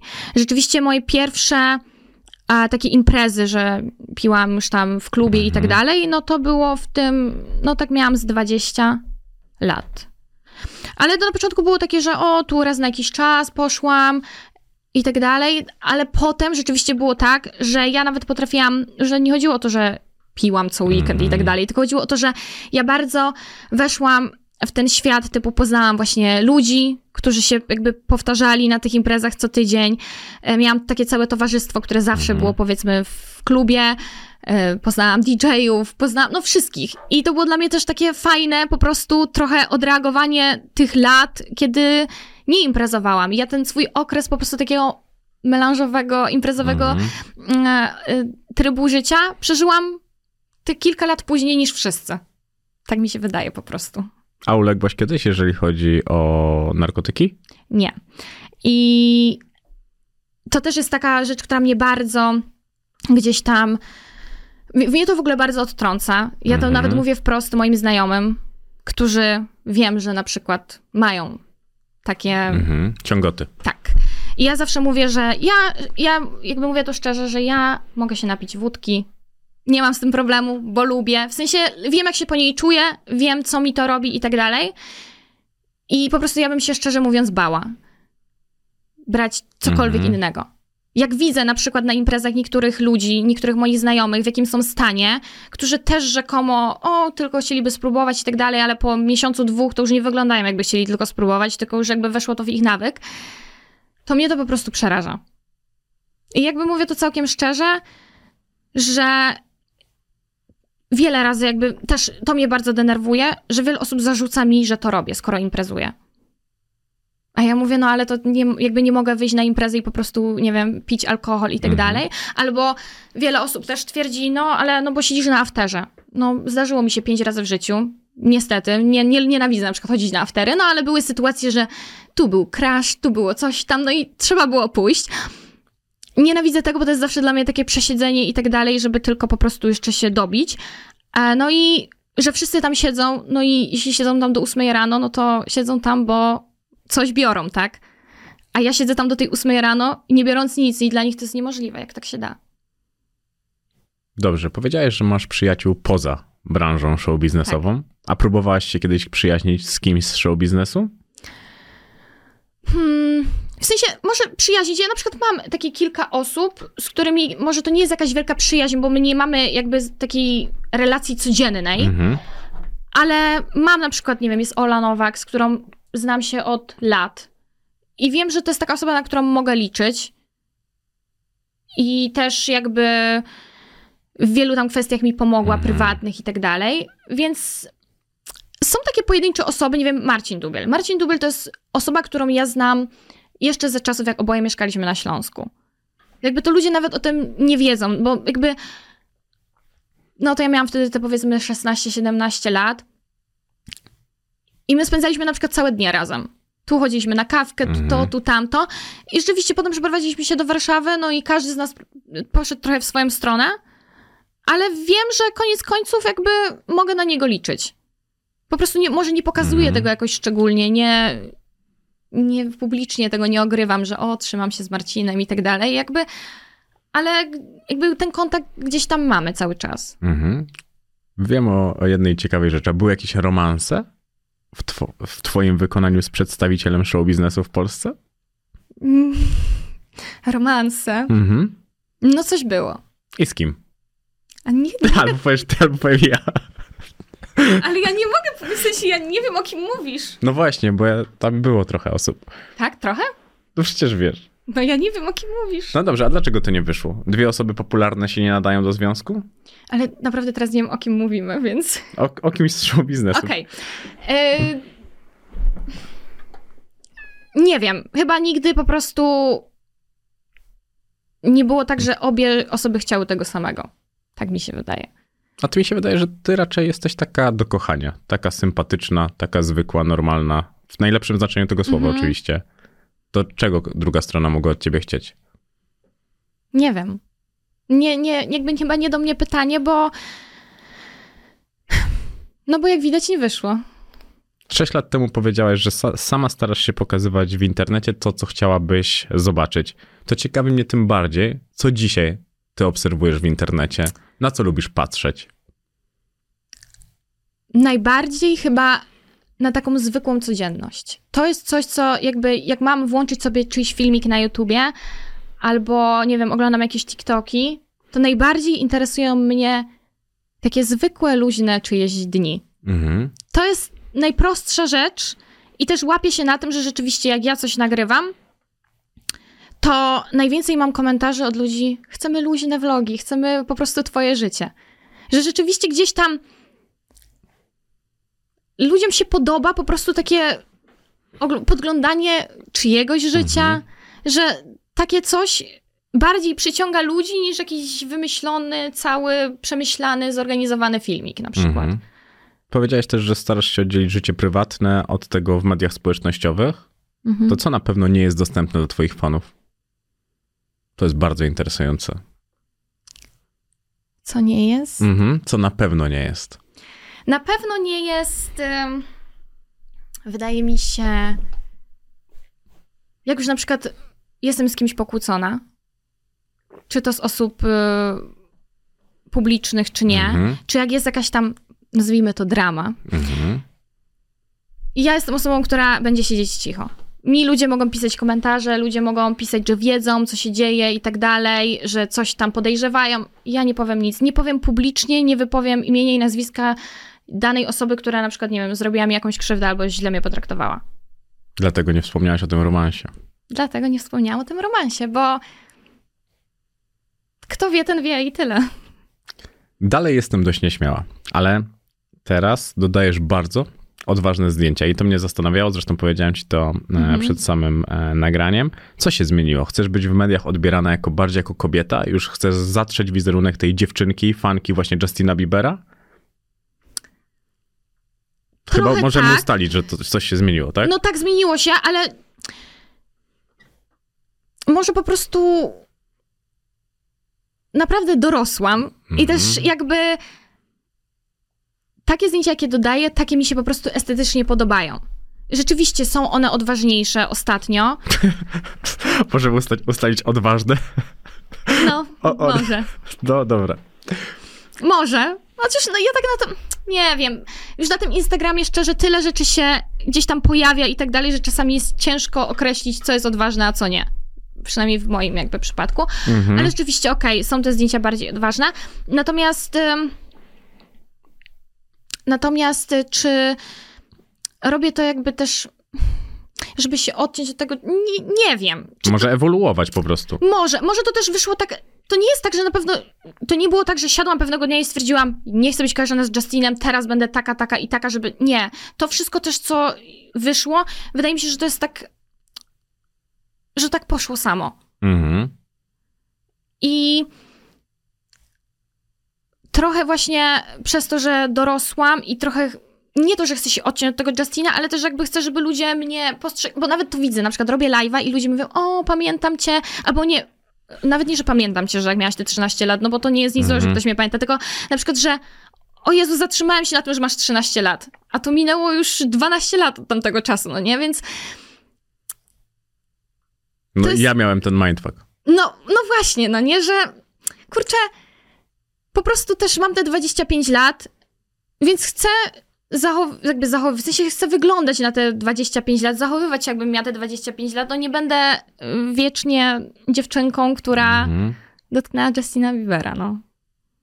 Podoba ci się na przykład to, co robi w mediach społecznościowych Maja Sablewska?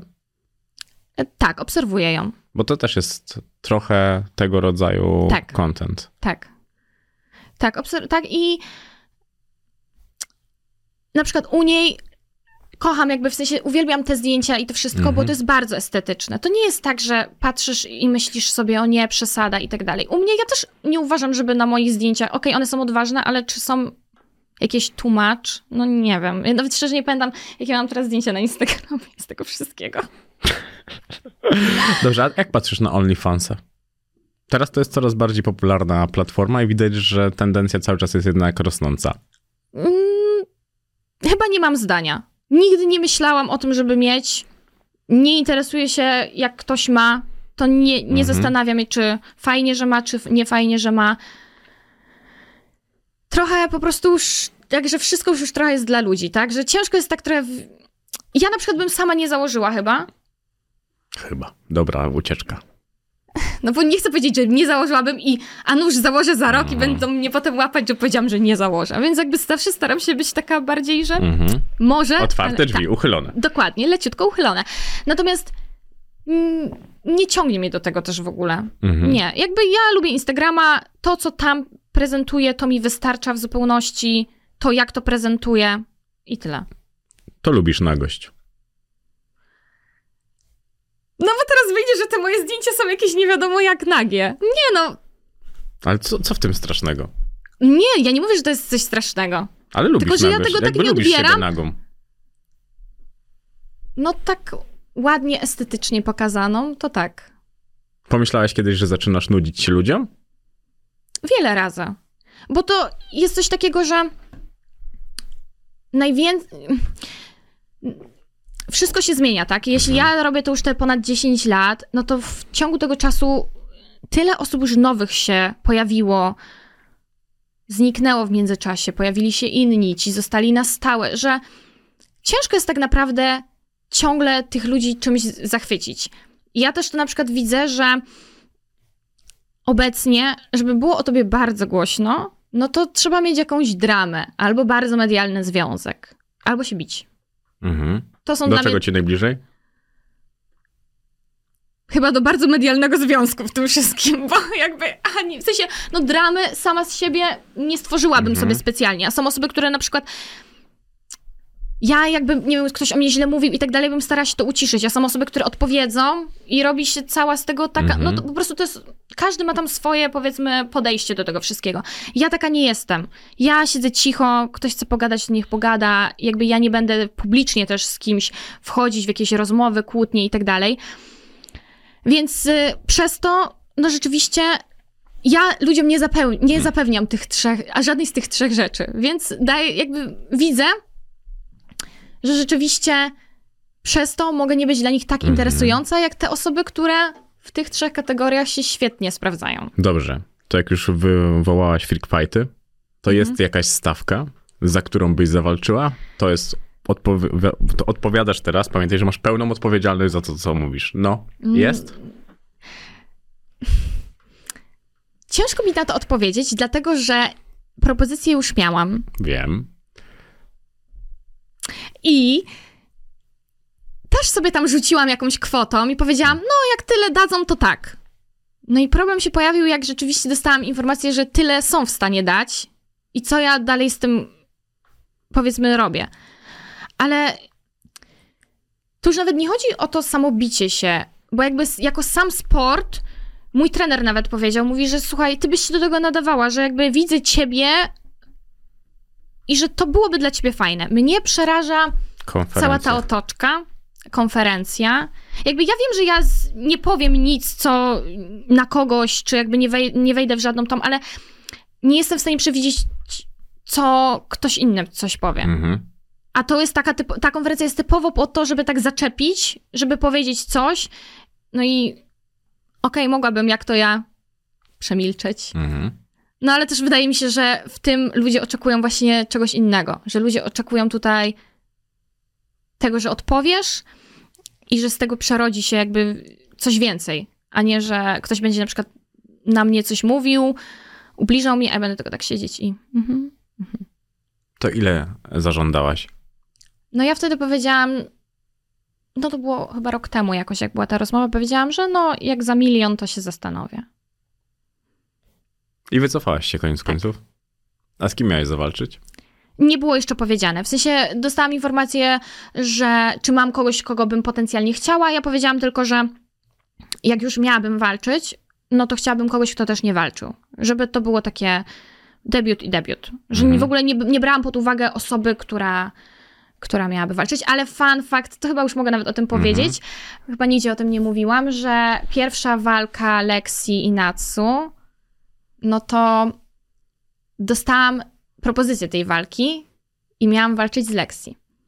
I się wypowiedziałam, że nie, że miałam telefony codziennie i tak dalej, i tak dalej. No i potem wzięli Natsu. W sensie, no jakby ja nie wzięłam tej walki, więc kto wie, zawsze, zawsze jak o tym rozmawiam ze znajomymi, mówię, co Mhm. by było, jakbym wtedy, bo na przykład dla mnie, jak też wizerunkowo cały ten konflikt między nimi i to wszystko, no to się tak jakby ciągnie i jest takie no, że zaczęło się niby od tej walki, bo one nie miały jakby do, do, chyba wtedy jeszcze do siebie nic, tak? Potem jakby, no już... No Bo, bo się pozamieniały chłopakami. Tak, ale to chyba potem jakoś. Znaczy tak, bo na No. początku Marcin był w oktagonie Lexi. Tak, no właśnie. A później był Więc w oktagonie Natsu. Jakby zawsze jak o tym myślę, zastanawiam się, co by było, gdybym ja wtedy walczyła z tą Lexi? Może I, byłabyś z Marcinem. Czy, to o to chodziło? Nie, ba- bardziej chodziło mi o to, że może do teraz nie byłoby całej tej właśnie tej takiej dramy, patrząc na to, że, że teraz jest to, jest Natsu z nim, no nie? Tak bardziej na to myślałam. No ale to tylko takie moje Tak. Mhm. A perfumy to był dobry pomysł? Uważam, że tak. Uważam, że jest to jedna z lepszych rzeczy, które zrobiłam, Mhm. z której jestem bardzo dumna i bardzo się cieszę, że to zrobiłam, bo zawsze chciałam mieć jakiś swój produkt, zawsze chciałam coś stworzyć fajnego, ale też nigdy nie miałam takiej potrzeby, żeby zrobić byle co. Mhm. I właśnie jak dostałam propozycję, y, żeby stworzyć swoje perfumy, to też od początku byłam bardzo w to zaangażowana. Bardzo chciałam, y, żeby to było takie w 100% moje, żeby te zapachy, które powstaną, żeby one były moje. I bardzo się też częściowo bałam, bo włożyłam w to bardzo dużo serca, zrobiłam coś totalnie pod siebie, ale miałam takie, że okej, robię to pod siebie, ale czy ludziom też się to spodoba, tak samo jak mi? Ale mówię, no z jednej strony w sumie oni mnie obserwują i jakby lubią to, co Mhm. dodaję, mają podobną widocznie estetykę, po prostu podobne gusta, no bo coś tam ich interesuje w mojej osobie podobnego, więc y, stwierdziłam, okej, no robię to, no i Mhm. to, jak jest odzew teraz, i po prostu ja mam codziennie pytanie, czy one wrócą do sprzedaży, czy jeszcze będzie kiedykolwiek jakikolwiek mój produkt. To jest tak bardzo, bardzo takie pozytywne, takie budujące, że wow, że zrobiłam coś i to serio się tak super przyjęło. Na Allegro ludzie to sprzedają zdecydowanie drożej niż w pierwotnej Właśnie cenie. tak słyszałam, że tam i, i na Vinted, więc ogólnie no jest to dla mnie na pewno taka jedna z lepszych rzeczy, o które, które będę sobie tam Mhm. wspominać, którą udało mi się zrobić, jako tam działając w internecie. Dużo tego się sprzedało? No, parę dziesiąt ty- tysięcy mieliśmy w nakładzie. Teraz popularne są 50. też płatki. Miałaś propozycję? Em, czy miałam propozycję? Konkretnie chyba takiej nie. Żeby ktoś przyszedł i powiedział, zrób swoje płatki. Tak mniej Mhm. więcej gdzieś tam to było mówione w tle. Co to znaczy mówione No, w tle? że, że, bo, bo, że wiem, kto to robi, więc No, miałam już jakieś tam. Dane bardzo fajne. Tak, Podrywa więc- takie popularne dziewczyny, uważaj. Też się znamy lata. Właśnie to już jest taka osoba, którą też znam już bardzo, bardzo długo. No i właśnie gdzieś tam mi wspominał, a że spotkajmy się, pogadajmy i tak dalej, więc jakby konkretnie propozycji jeszcze nie Mhm. miałam, ale no wiem, że gdzieś tam jakbym się zainteresowała bardziej, to by była, ale chyba, chyba nie dla mnie na ten moment. W sensie po prostu, bo ja na przykład robię, już wychodzę z takiego, jakby Mhm. jak coś robię, no to coś, z czym się tak w 100% utożsamiam. A ja na przykład płatków z mlekiem nie jem. No to Kolega twój po fachu, e, Dominik Rupiński, który też ma perfumy, jest na płatkach, tak. no ale powiedział mi, że nie, tak jak we frikach nie płacą. Także dane jeszcze musi po prostu No. podciągnąć. Ale najbardziej podobała mi się jednak i tak ta twoja współpraca, kiedy byłaś zamknięta w galerii handlowej na okres Ojejku. ferii. Mhm. że tam był to kontener, który był prze, przez, przezroczysty, tak? On był jak, na jakiejś takiej zasadzie, że zbudowano wam tam Tak, dom. to było takie powiedzmy mieszkanie, ale odsłonięte dla ludzi. Nie czułaś się trochę jak złota rybka w akwarium? I Nie. czekaj, jak dużo pieniędzy bierze się za 14 dni w- w galerii Dużo. handlowej?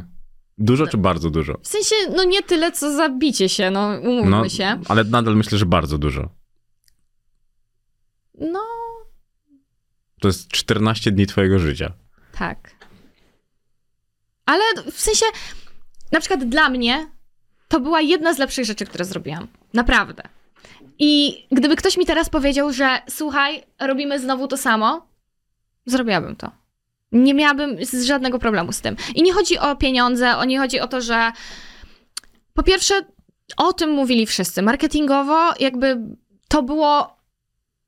Ja nawet nie robiłam tego po to, żeby o tym wszyscy mówili, ale z jakiejś strony tak wyszło. A druga Mhm. sprawa jest taka, że dla mnie, jako dla osoby, która w wieku 16-17 lat zaczęła zarabiać sama na siebie w internecie, no to ja nigdy nie miałam czegoś takiego, że nie wiem, pracowałam w kawiarni, pracowałam w Mhm. restauracji i to nie o to chodzi, że żałuję bądź nie. Chodzi o to, że inaczej się potoczyło moje życie. Po prostu. Jakby teraz nawet ciężko wyobrazić mi sobie taką sytuację, że jako będąc osobą publiczną, no to nie wiem, prędzej chyba w jakichś Stanach czy gdzieś. No, po, no bo tutaj już by ludzie patrzyli tak na mnie, o, a czemu ona pracuje w kawiarni, skoro jest youtuberką i skoro ma z tego Mhm. pieniądze. Że trochę za bardzo nie miałabym jak już tego zrobić, a tam przez te dwa tygodnie codziennie pracowałam jakby w innej branży. Jednego dnia pracowałam sobie w kasie na Tesco, jednego dnia robiłam kawki w Starbucksie, jednego dnia, nie wiem, pracowałam w KFC, że przez 14 dni mogłam sprawdzić, jak funkcjonuje taka galeria handlowa i jak wygląda praca w każdej z nich. Okej, to nie jest tak, że ja siedziałam tam przez 8 godzin i jestem w stanie wiedzieć, jakie problemy, czy jak ciężko mają ci ludzie, ale gdzieś tam chociaż trochę mogłam tego doświadczyć. Mhm. Więc dla mnie, jak, jako dla osoby po prostu, która tego nigdy nie doświadczyła, to było super. Ze Starbucksem to ogólnie u ciebie ciekawa historia. A żałujesz jakiejś współpracy? tak, żeby pomyśleć, no to pewnie byłyby jakieś e, rzeczy, których tam do końca. A z tą aplikacją, Jaką aplikację? która wysyła jakieś SMS? -y? No to, to bym może powiedziała, że tego mogę żałować. Bo w sensie. Na tamten moment to było bardzo popularne. Mhm. Dużo osób to robiło Ale robiło w sensie, promowało te aplikacje, czy... i to, i to. Bo dla mnie to jest tak, że ja zna, znałam to jeszcze zanim powiedzmy byłam i jakby zanim to reklamowałam, ja to znałam. Ja wiedziałam, że jest coś takiego. Mhm. Więc to nie jest tak, że wzięłam to, bo mi zapłacili i nagle udawałam, że nie wiadomo co. Tylko rzeczywiście może sama nigdy nie wysłałam tego SMS-a i żeby się dowiedzieć, jaka tam moja przyszłość, czy nie wiadomo co. No ale to jest trochę tak, jak nie wiem, no... Ludzie korzystają z różnych takich, nie wiem, wróżek, jakieś też, nie wiem, są SMS-y o treści... No ja nawet nie wiem, bo nie korzystam z takich rzeczy na Mhm, Ty przykład. doskonale wiesz, ale stwierdzasz, że nie powiesz. E, nie no, w sensie chodzi o to, że, na, że naprawdę jest wiele jakby takich rzeczy, z których ludzie korzystają. To była jedna Mhm. z nich, tylko taka bardziej powiedzmy młodzieżowa. O, tak bym to nazwała. Mhm. Czyli taki horoskop dla No powiedzmy, nastolatków. tak, tak bym to nazwała. I też nie było tak, że ja tych ludzi zmusiłam, że mają to zrobić. No to było, no tak jak każda rzecz, którą powiedzmy reklamuję i pokazuję. To nie jest tak, że ja Mhm. kogoś zmuszam, tylko to jest, że o czymś informuję. Rzeczywiście teraz na przykład bym tego nie zrobiła, no bo na ten moment nie utożsamiam się z nim, z tym. Dobrze, a to kiedyś czytałaś horoskopy? Mm, tak, Mhm. czytałam. E, Miałam nawet taki okres w swoim życiu, gdzie oglądałam bardzo dużo jakiegoś tarota i takich rzeczy. Bardzo w to wierzyłam i tylko na tym się skupiałam. Mhm. Co mi w tarocie powiedzą, tak będzie w moim życiu. Tak myślałam. Jeszcze to nawet stosunkowo niedawno, bo to było z 3 lata temu. O. Więc e, wtedy każdą moją, mój problem, czy moją miłość próbowałam rozwiązać właśnie przez panią na YouTubie, która mi to tam opowie. Ale teraz ani nie jestem od horoskopów, ani od tarota. Teraz jestem bardziej od takiego pozytywnego myślenia. Takie mam swoje podejście.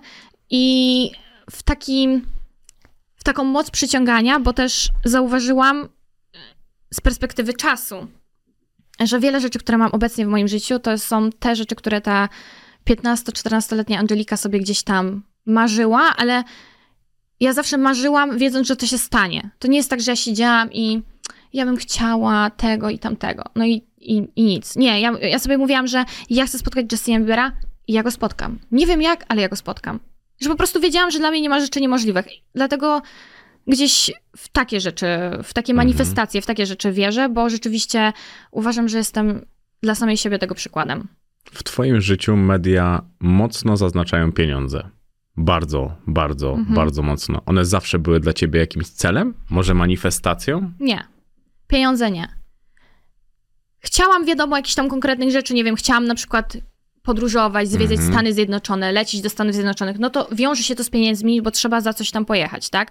Ale to nigdy nie było tak, że zaczynając, czy ogólnie będąc dzieckiem, mówiłam sobie, będę milionerką, muszę mieć dużo pieniędzy, żeby super żyć. Nie. Ja właśnie miałam takie konkretne swoje marzenia, cele, ale żadny z nich, żadnym z nich nie było posiadanie jakiejś kwoty pieniędzy. Mhm.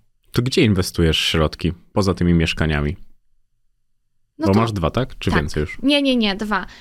E, To są w sumie takie moje największe inwestycje, jeśli Mhm. o to chodzi. Ja też. No, nie, nie, nie powiem, A że. wtopiłaś gdzieś kasę? O, może w ten sposób. Nie, nie, nie, nie. Nigdy nie miałam takiej sytuacji. A żeby- kupisz sobie tą G- G-klasę, o której marzysz? Kiedyś tak. Jakby mogłam kupić ją jako mój pierwszy samochód, ale stwierdziłam, że. że chyba nie chcę. Że okej, Na pierwszy samochód G-klasa. Ogólnie Właśnie- świetnie to brzmi, co? No właśnie. Ja miałam coś takiego, że nie chcę od razu spełniać swojego największego marzenia, jeśli chodzi o samochód, Mhm. no bo co będzie dalej? Jakby podobał mi się też ten samochód, który mam aktualnie. To tak jak chłopaka wziąłaś na rozgrzewkę i teraz będzie jakiś sensowniejszy. No, dokładnie. Dokładnie tak jest. Więc, więc czasami po prostu, tak samo wszyscy mi mówią, dlaczego się nie wyprowadzić do Stanów, skoro, skoro tak kochasz Stany? No bo ja też nie chcę wszystkiego tak naraz, za dużo. Nie chcę się też tak Masz dopiero 25 lat. Dokładnie. Nie chcę w wieku 25 lat stwierdzić, ja już przeżyłam wszystko, spełniłam wszystkie moje marzenia i ogólnie to już nic mnie nie satysfakcjonuje. Wolę, okej, te takie największe, największe spełniłam, Mhm. ale takie te życiowe, typu właśnie samochód, nie wiem, to gdzie mieszkam i tak dalej, że chcę mieć, chcę to wszystko zrobić tak w swoim czasie, żeby Mhm. cieszyć się czymś teraz, ale cieszyć się też czymś za 5 lat. Mieszkania kupiłaś za gotówkę, czy brałaś Tak. kredyt? O, No, więc cieszy mnie to. Powiem szczerze, cieszy mnie to, bo no to też jak przyjechałam do tej Warszawy, żeby kupić to pierwsze mieszkanie, no to też było dla mnie takie coś takiego fajnego, że przyjechałam, obejrzałam te mieszkania, jedno z nich mi się spodobało i że mogłam po prostu sobie na to pozwolić. Mhm. A inwestycyjnie mieszkanie podrożało dwukrotnie? Myślę, że na pewno. O, to naprawdę to w takim wypadku bardzo dobra inwestycja. Tak, bo ja kupowałam je w czasach, kiedy no. Ja nawet nie wiem, jakie teraz są ceny mieszkań, więc nie chcę tutaj się mm, wielce wypowiadać. Natomiast patrząc ogólnie na ceny wszystkiego i tak dalej, no to na pewno podwójnie. Myślę, że minimum. Jesteś pokoleniem, które może nieść za sobą wielkie zmiany. Ty interesujesz się tym, co się dzieje w polityce? Nie. I nie interesuję się, bo po prostu nie znam się. Mhm. Nie lubię się wypowiadać o rzeczach, o których y, mam małe pojęcie. Uważam, że są od tego osoby, które się znają na tym lepiej. I ja naprawdę nigdy nie siedziałam w tym temacie. To już Mhm. nawet nie o to chodzi mi, o, że teraz jak jestem osobą publiczną, to się nie wypowiadam, bo nie chcę jakby obierać jakichś stron. Nie, ja po prostu się nigdy tym nie interesowałam. To nie była jakaś rzecz, która gdzieś tam, nie wiem, w szkole i tak dalej. No nikt, nigdy. Mhm. Jakby ja nie jestem w stanie wymienić, myślę, że nawet kilku nazwisk y, takich, które gdzieś tam są, więc ja po prostu. Ale wiesz, kto jest premierem? Tak, chodzi o to, że po prostu jakoś nigdy mnie do tego nie ciągnęło. Mhm. Nawet słuchając czasami, jak na, nie wiem, WOS trzeba było robić jakieś prasówki i tak dalej, ja nie rozumiałam tego. Ja miałam takie, że ja, okej, s- mam swoje jakieś tam zainteresowania. Nie wiem, w szkole wolałam się skupić na matematyce, a nie na WOSie. No A i chodziłaś tyle. na wybory? Tak. Tak. Za, odkąd miałam możliwość, y, to byłam za każdym razem na wyborach. Mhm. Poza tym, że działasz w internecie, no to siłą rzeczy jesteś potężnym przedsiębiorcą. No masz komfort odrzucenia propozycji za milion złotych od koncernu technologicznego. Jak się odrzuca taką ofertę? Czuje się strach? Że coś tracę? Częściowo tak, no bo jakby jest to coś takiego, że a co jeśli już nigdy taka propozycja nie przyjdzie, albo na pewno nie myślałam, że a co jeśli to jest ostatnia propozycja, już nigdy nic Mhm. nie zarobię. No nie, jakby No może nie ostatnia, ale taka za milion, to na pewno nie jest tak, że co tydzień No tak, dostajesz propozycję tak. za milion złotych. tak. Na tamten moment nie widziałam siebie w ogóle w tym, bo, no tak jak już mówiłam, byłam kojarzona też z innym, innymi, że to jest trochę, jakbym to miała porównać, no nie wiem, no każdy wie, załóżmy, przez te 10 lat ludzie mnie kojarzą z danych rzeczy, tak? Że Mhm. lubię to, to, to i tamto. I jakbym miała teraz promować coś totalnie przeciwnego te, temu, co tak bardzo lubię. No to co to było? Bo jak powiedzieli technologia, to mi się od razu jakieś Oppo skojarzyło. Nie mam pojęcia, co to było, że było przeciwne temu, co ty robisz. E, Może nie, że przeciwne, ale to była, y, to były telefony, Mhm. ale A nie korzystasz z telefonu, wiadomo. nie, korzystam z iPhone'a. Okej, czyli Samsung ci to proponował. Chyba, nie, chociaż nie, chyba na tam, nie, to nie był chyba Samsung. Nie chcę teraz skłamać, Mhm. Ale, Ale, to, to, nie... musiała być duża marka. Tak, Jedna z tych największych najprawdopodobniej, no tak, bo tak, tak. środki takie, że Tak. potężne.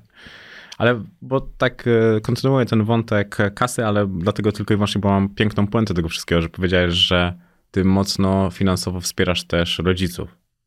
To też było z tobą od zawsze, że czułaś taką wdzięczność i tym, żeby się dzielić tym wszystkim, co masz? Myślę, że tak. Po prostu tak zostałam wychowana i gdzieś tam, jak mam możliwość, nie wiem, zabrać gdzieś moją mamę, Mhm. to ona całe życie zabierała mnie, więc jakby chcę jej to po prostu wynagrodzić. Pamiętasz, ten, wspominaliśmy ten pierwszy przelew za wyświetlenia, kiedy dostałaś 50 euro. A jaki był największy przelew, jaki dostałeś za wyświetlenia? Wiem, że one nigdy nie były korem wyświetlenia. twojego życia, ale zastanawiało mnie to. Szczerze, myślę, że nie, jakby na to, ile osoby ogólnie zarabiają na wyświetleniach, to bardzo mało, dlatego że ja nigdy, tak jak e, mówisz, ja nigdy to nie było jakby Mhm. główną podstawą też e, moich zarobków na YouTubie. Myślę, że około 10-15 tysięcy. Też mi się... To nie są jakby, patrząc na to, jak niektórzy zarabiają po 50, Mhm. to nie jest dużo, ale u mnie właśnie rzeczywiście zawsze te większe kwoty były za jakieś tam reklamy, za współpracę. Tych wyświetleń w tych czasach, powiedzmy, kiedy przez ostatnie 7-6 lat, kiedy ta moja medialna osoba jest taka Mhm. o wiele większa niż wcześniej. Wcześniej byłam bardziej skupiona na YouTubie i było więcej wyświetleń, ale też miałam wtedy mniej subskrypcji. Potem miałam więcej subskrypcji, ale troszkę mniej zaczęłam nagrywać, bo poszłam też tro- w trochę w stronę medialną. Mhm. A tak zupełnie uczciwie. Uważasz, że grasz w pierwszej lidze show biznesu? Nie. Wydaje mi się, że nie. Nie mi to oceniać, ale na pewno jestem taką, uważam się za osobę taką, która jest od mega, mega dawna. Jeśli chodzi o na przykład ten świat YouTube'owy, YouTube'owy, influencerski, Mhm. instagramowy i tak dalej, że tutaj wiele osób już jakby powiedzmy mnie wyprzedziło w liczbach, Mhm. tylko że to są osoby Ale to stosunkowo... nigdy nie chodzi o liczby. Tak. No, to też prawda, bo patrząc na to, ile ja działam, to z tych osób działających tak mega długo, to uważam, że super, jakby się trzymam, w sensie, że dalej robię to, co robię, Mhm. dalej jestem osobą bardzo rozpoznawalną, dalej zarabiam z tego.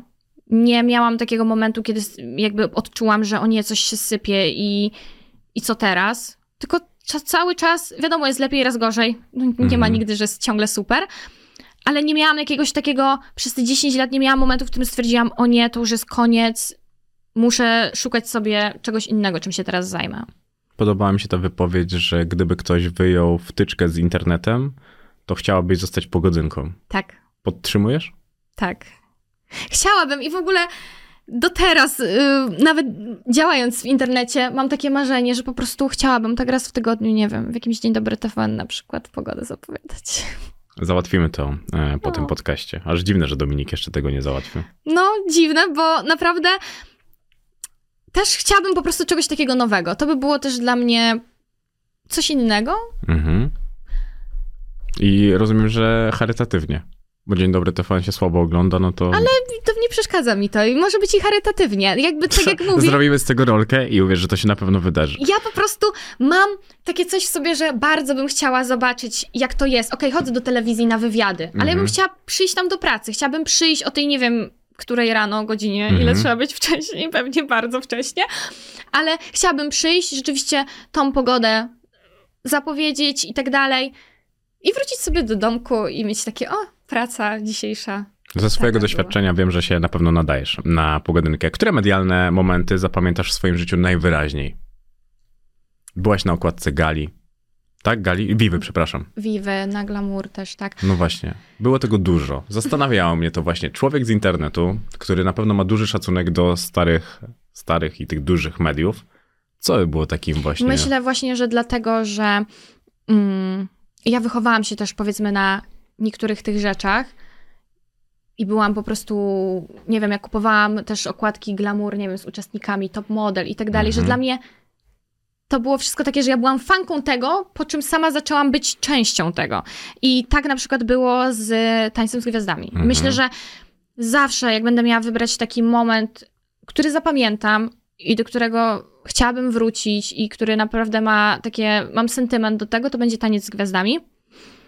Bo wtedy odczułam totalnie inną popularność, mimo tego, że idąc tam miałam już, no nie wiem, z ponad milion na pewno na tym, na tym Instagramie, to po tym programie jakby mnie mm, zaczęli oglądać, poznawać zupełnie inni ludzie niż z Instagrama. No bo to jest zupełnie inna widownia. I sam fakt po prostu też tej przygody, tego, że przez te tam trzy miesiące byłam poświęcona jakby tylko temu, żeby tańczyć i tam były wzloty, upadki, bo to nie było też, tam było dużo łez, bardzo Mhm. dużo łez wylałam w tym programie. Natomiast koniec końców bardzo mnie ten progr- program też ukształtował. Dużo mi dał, bardzo mnie otworzył na ludzi i ogólnie też na moje emocje Mhm. na wiele rzeczy. I po prostu pod tym względem, że tak prywatnie bardzo będę go dobrze wspominać, to też, też medialnie. Myślę, że jest to taka rzecz, że oglądając jako mała dziewczynka i zapisując jeszcze w zeszycie, która para tańczy, ile ma punktów, i tak oglądałam co tydzień i czekałam, czy moja ulubiona para dojdzie do finału. Te, nie wiem, 20, no może nie, z 15 lat Mhm. później sama byłam uczestnikiem tego programu. Na pewno jednym z ważniejszych momentów medialnych z Twoim udziałem będzie to, jak e, powiedziałaś, że zostałaś zdradzana. No to w, z takim nazwiskiem jak Mhm. Twoje odbija się jednak szerokim echem. Jako osoba, już nawet po tym podcaście widać, że jesteś delikatna i wrażliwa. Ty się długo zbierałaś po czymś takim? To jest tak, że ta historia jest w ogóle bardzo taka, że wszyscy, skoro już powiedziałam, że tak, byłam zdradzana, no to wszyscy myślą, okej, czyli rozstaliście się, bo się dowiedziałaś, że on cię zdradza. No nie. Właśnie cały point tej historii jest taki, że rozstaliśmy się, bo troszkę zostałam bardzo źle potraktowana, patrząc na to, że no nie wiedziałam o tych zdradach, to dowiedziałam się, że w ogóle do siebie nie pasujemy, że jestem taka, taka i taka, że totalnie. Mm-mm. Mhm. I to, i szczerze, to bardziej przeżywałam niż potem to, jak dowiedziałam się o tych zdradach. Dlatego, że ja uważałam się za osobą, która daje od siebie bardzo, bardzo dużo. I jeśli po roku związku i tam ponad pół roku mieszkania razem, dowiedziałam się, że są jakieś tam problemy w jakichś tam sferach, ja mówię, okej, ja mówię, ale dlaczego dowi- dowiaduję się o tym po roku? Jakby mieszkamy ze sobą, funkcjonujemy codziennie, że takie problemy się załatwia na co dzień. I to nie było nawet tak, że okej, spróbujmy nad tym popracować, tylko od razu zostałam potraktowana, nie, nie, ja się wyprowadzam, nie, to nie, jakby to nam nie wyjdzie i tak dalej. Więc ja przez pierwszy chyba miesiąc bardzo to przeżywałam, bo to był mój pierwszy chłopak. Taka naprawdę dla mnie wtedy to była miłość. Jakby ja sądziłam, że że robiłam jakby wszystko, żeby to było super. Że nie miałam sobie, no okej, wiadomo, no nie, że nie miałam sobie nic totalnie do zarzucenia, wiadomo, no jesteśmy tylko ludźmi, no ale tak ogólnie rzecz biorąc, nie byłam dziewczyną, która coś tam odstawia i robi jakieś nie wiadomo jakie problemy i tak dalej. I to był taki, szczerze, zawsze to wspominam, najgorszy okres chyba mojego życia. Ten miesiąc, Mhm. półtora po tym rozstaniu, bo ja byłam wrakiem człowieka. I potem nagle, ni stąd, ni zowąd, dowiedziałam się, że cały ten związek byłam zdradzana. I dowiedziałam się tego już, jak nie byliśmy razem. Mhm. I w tym momencie miałam coś takiego, że aha, czyli w sumie najbardziej szczerze mojemu byłemu partnerowi zawsze będę. em, zawsze będę o to zła i zawsze nie będę potrafiła tego jakby mu wybaczyć po, częściowo, bo okej, gdzieś tam mu już wybaczyłam, ale gdzieś tam zawsze to we mnie będzie siedzieć, że on nie był w stanie przyjść do mnie i powiedzieć mi, słuchaj, rozstajemy się, bo cię zdradzam. I ogólnie to jestem, no nie powiem kim. Kim? No, wszyscy wiemy. A on zrobił ze mnie największą, jakby najgorszą ofiarę całej tej sytuacji, która jakby ofiarę i też taką, że ja jestem wszystkiemu winna. No więc ja wszystko po prostu wzięłam na siebie Mhm. i naprawdę y, nawet nie chcę wracać do tych czasów, bo to było naprawdę najgorszy okres mojego życia. I dowiaduję się potem, że w sumie tak naprawdę to cały nasz związek, bo to nawet nie jest tak, że to było pod koniec naszego związku, Mhm. tylko cały nasz związek regularnie byłam zdradzana. A dowiedziałam się tego od dziewczyn, które do mnie napisały. I miałam takie, okej, z, z jednej strony ci dziękuję, że mi to mówisz, a z drugiej strony serio, przez ten rok siedziałaś cicho i teraz po roku, jak już publicznie powiedziałam, nie jesteśmy razem, odważyłaś się, żeby mi powiedzieć, że byłaś, nie wiem, jedną z pięciu wybranek mojego byłego na zdradę, no bo Czyli to była jakaś taka ograniczona, to było elitarne grono, rozumiem, bo ja zastanawiałem się nad tym, bo powiedziałeś, że zapytana, czy to prawda, że w twoim związku pojawiła się osoba trzecia, odpowiedziałaś trzecia, czwarta i nie jedna. Mhm. No ja z imienia i nazwiska tak wiem z 3-4 osoby. Mhm. Ale jest pewnie wiele, bardzo możliwe, Mhm. które się nigdy do mnie nie odezwały, ani też, bo to jest tak, że niektóre się odezwały, o niektórych się dowiedziałam przez wspólnych znajomych, Mhm. którzy też dopiero się odezwali, jak już... Ale to byłaś taka zapatrzona, no jednak, bo to jest bardzo ciekawe. Ja znam tę te, historię, kiedy jak wy się poznaliście, jak to się zamieniło w związek, że w klubie twój wtedy ówczesny, jeszcze nie ówczesny, to już znajomy, podszedł i zapytał się, czy na wakacjach bierzecie razem pokój. Tak. I to był taki żart. I rzeczywiście na tych wakacjach, Zażartował. no zażartował i, no bo... Puenta była po jakimś czasie. Bo szczerze, ja nie patrzyłam na niego jak na mojego przyszłego chłopaka. Mhm. W ogóle nie był w moim typie. W ogóle to nie jest tak, że to był jeden z takich e, chłopaków, za którymi bym, nie wiem, latała po klubie i o, ale on jest No, super. nie, nie, nie korespondował z Maciejem Musiałem albo z Dawidem Kwiatkowskim. Dokładnie. No więc, e, więc tak naprawdę, mm, gdzie tam skończyłam? Rozmawialiśmy o tym, o liczbie policzalnej. A, a, a, tak, tak, tak. I. Nie wiem, już straciłam wątek.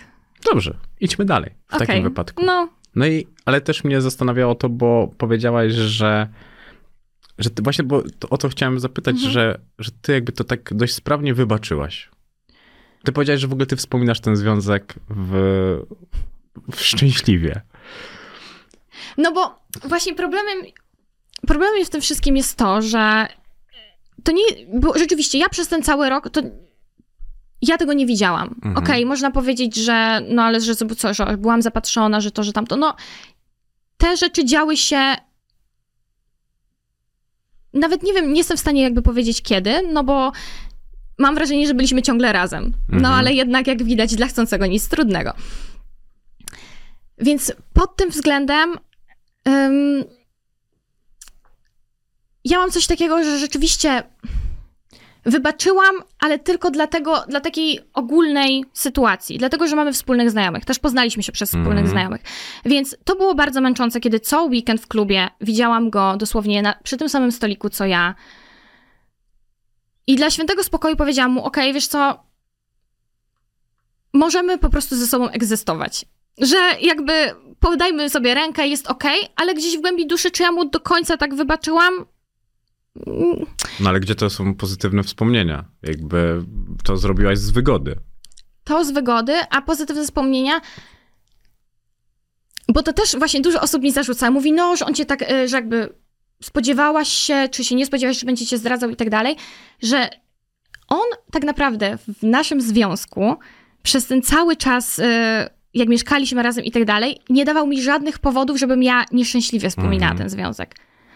Okej, parę razy się kłóciliśmy, normalna sprawa, ale to nie jest tak, że ja ten związek przeży- przeży- przechodziłam i przeżywałam i byłam nieszczęśliwa, nie wiedziałam, co się dzieje, byłam odcięta od znajomych, nie wiem, byłam w jakimś toksycznym związku, nie wiadomo, co się działo. Nie, my mieliśmy normalny, na, jakby tak mi się wydawało, Mhm. normalny, zdrowy związek. Ja jeździłam z nim do jego rodziców, on jeździł za mną do mnie, jakby planowaliśmy jakieś tam rzeczy już jakby na przyszłość, też bardzo dużo mi pomagał, jeśli chodzi o moją pracę, o filmy i tak dalej.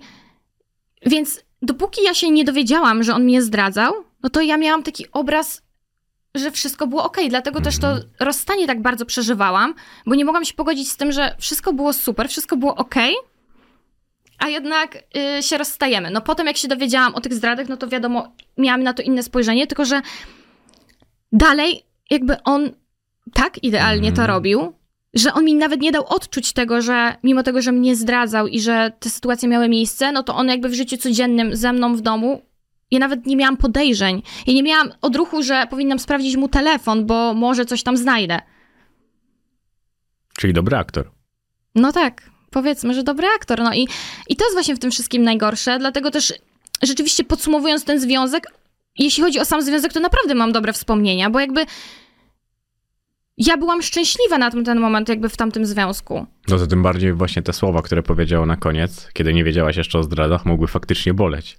Tak, dokładnie. I właśnie dlatego, tak jak już wspominałam, że to mnie najbardziej boli, że on nie potrafił przyjść i zachować się jak facet i powiedzieć, słuchaj, my się rozstajemy dlatego, że ja nie jestem w stanie być z jedną osobą, dlatego, że ja cię traktuję od początku związku bardzo źle, mimo tego, że nie powinienem.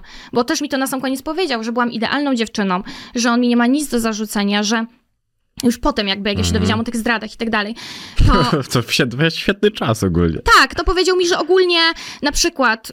No już nie będę może rzucać jego cytatami, bo to już jakby.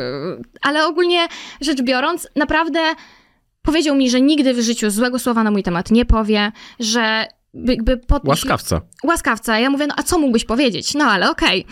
E, I pod tym względem naprawdę dlatego ja tego tak nie mogłam przeżyć, że po prostu mając świadomość, e, że on trochę jakby mnie skrzywdził Mhm. nie tymi zdradami. On mnie skrzywdził tym, że przyszedł do mnie i powiedział mi, że nie dogadujemy się, że się kłócimy, że to, że jesteś taka, że w tym, że w tamtym. I ja taka, no jak to? Przecież przez osta- ostatni rok mieliśmy super czas. Nie zauważyłam, żebym była taka, jak mówisz, Mhm. ale okej. A wystarczyło przyjść i powiedzieć, słuchaj, tak naprawdę rozstajemy się, bo od roku jest jak jest, idealnie grałem, ale jakby to jest moja wina. I wtedy to jest zupełnie co innego. Ustalmy, że zdradami też cię jednak skrzywdził mimo wszystko. No Pomimo tak. tego, że byłaś szczęśliwa, to ty nie Oczywiście, żyłaś w że- otwartym związku. No, no właśnie. Ta świadomość przede wszystkim, to jakby też te wiadomości na sam koniec od tych dziewczyn, jakby myślę, że najgorszą, jaką dostałam i po prostu przy której zamarłam, była wiadomość od jednej dziewczyny, która powiedziała mi, że jak byłam w Stanach, to była u niego w domu, no bo jeszcze wtedy nie mieszkał ze mną. I ona mi tak opisuje po kolei tę sytuację, ja to tak czytam, już tak, no trochę piąte przez dziesiąte, już mam takie, hmm, no jest jak jest. I nagle, no jak będąc u niego w mieszkaniu, poznałam nawet twojego króliczka. I ja zamarłam. On miał mojego królika na okres, kiedy ja pojechałam do tych Stanów. I nic mnie tak nie zabolało, jak fakt, że ona mówi, poznałam nawet twojego króliczka. I ja mówię, no to, że to już jakby dla mnie nie ma tutaj w ogóle... Nawet nie wiem, jak to skomentować po prostu. Że on jakby perfidnie jeszcze... Nie to, że poszedł do jakiegoś Mhm. hotelu, cokolwiek, na restauracji, gdziekolwiek. Nie, do domu, gdzie... Dobrze, że nie do mnie do domu, no, bo miał klucze.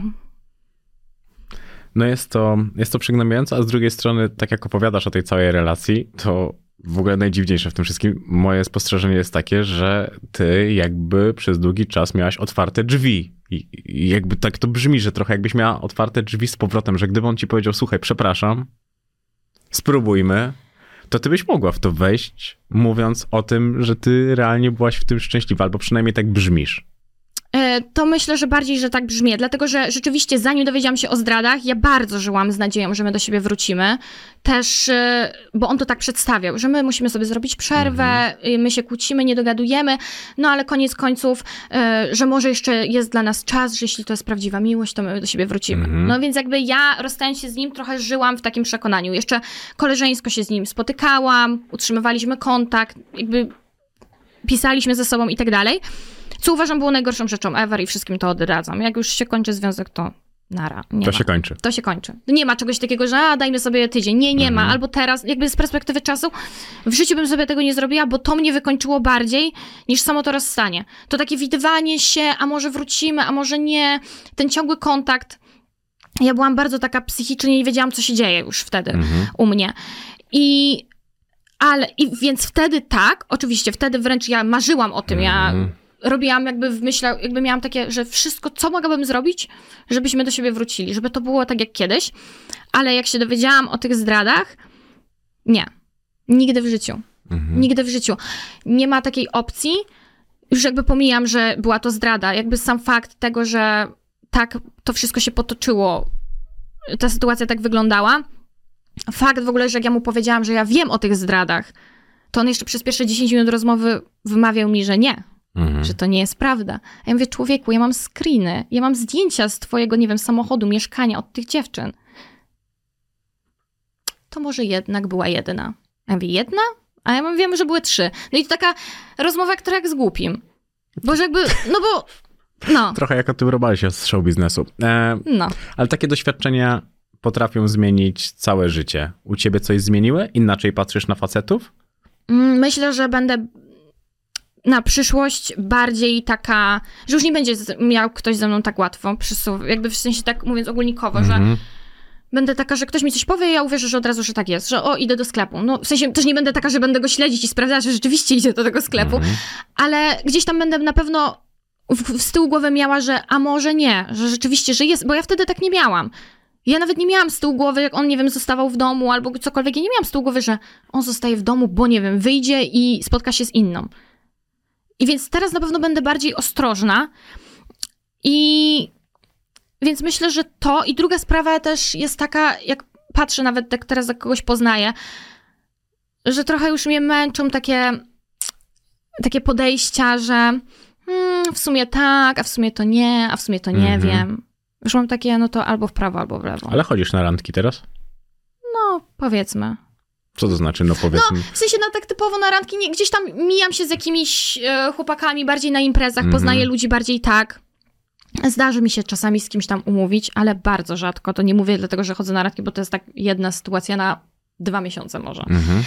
Mm, więc gdzieś tam jakieś osoby się przewijają w moim życiu, powiedzmy, ale powiem szczerze, właśnie tak jak powiedziałam wcześniej, że jak już widzę, że coś między nami jest spoko, że mamy fajny flow, Mhm. fajna gadka, tu się spotkamy i tak dalej, ale że to do niczego nie prowadzi i to jest takie, że ten ktoś nie chce za bardzo się określić, to mnie już na przykład takie coś męczy, że już mam takie, no to nie, no to nie. No bo ty chcesz chyba związku. Takiego normalnego, pełnoprawnego. Deklaracji. Tak, w sensie, tak, na początku jak e, po tym rozstaniu twierdziłam, że nie, no bo też nie chciałam z, Mhm. z, w związku wchodzić w kolejny. Teraz już mam tak, że mija zaraz rok, odkąd nie, jesteśmy, nie jestem już jakby z Mhm. nim, więc już powoli mam takie, że jakby się ktoś okej pojawił, to byłabym w stanie znowu wejść w tą fazę, że jestem w związku i że... W sensie, Mhm. tylko też chciałabym, żeby to była taka osoba, żebym patrzyła na nią i myślała, że okej, że to jest ktoś na długo. Najlepiej już na zawsze, a nie, że takie, o, pospotykajmy się dwa miesiące i tak dalej. Nie, jakby nie chce mi się Mhm. bawić w takie rzeczy. To już w ogóle wolę, wolę nie wchodzić w jakieś związki, romanse i nie wiadomo co. Lubisz być singielką? Jednak rok to taka przestrzeń do tego, żeby zdać sobie sprawę z tego, czy się to lubi, czy nie. Myślę, że lubię, no bo całe życie tak naprawdę byłam. Też przed związkiem z nim byłam ciągle sama i nigdy mi nie przeszkadzało to, że jestem sama. Na początku po rozstaniu miałam wręcz przeciwnie. Ja mówię, jak to, że wszystko robiliśmy w dwójkę, całe moje życie przestawiłam, że wszystko się robi w Mhm. dwie osoby i było mi bardzo ciężko. Że jak teraz mam sama Mhm. robić te wszystkie rzeczy, mieszkać sama, w sensie, a najlepsze jest to, że za całe życie mieszkałam sama, w sensie odkąd się wyprowadziłam od rodziców, to zawsze mieszkałam sama, nigdy nie miałam współlokatorki i tak dalej, więc to było też takie po prostu kwestia chyba takiego na nowo przyzwyczajenia się do tego. A szczególnie, że wy jakoś bardzo, bardzo długo to ze sobą nie byliście. No nie.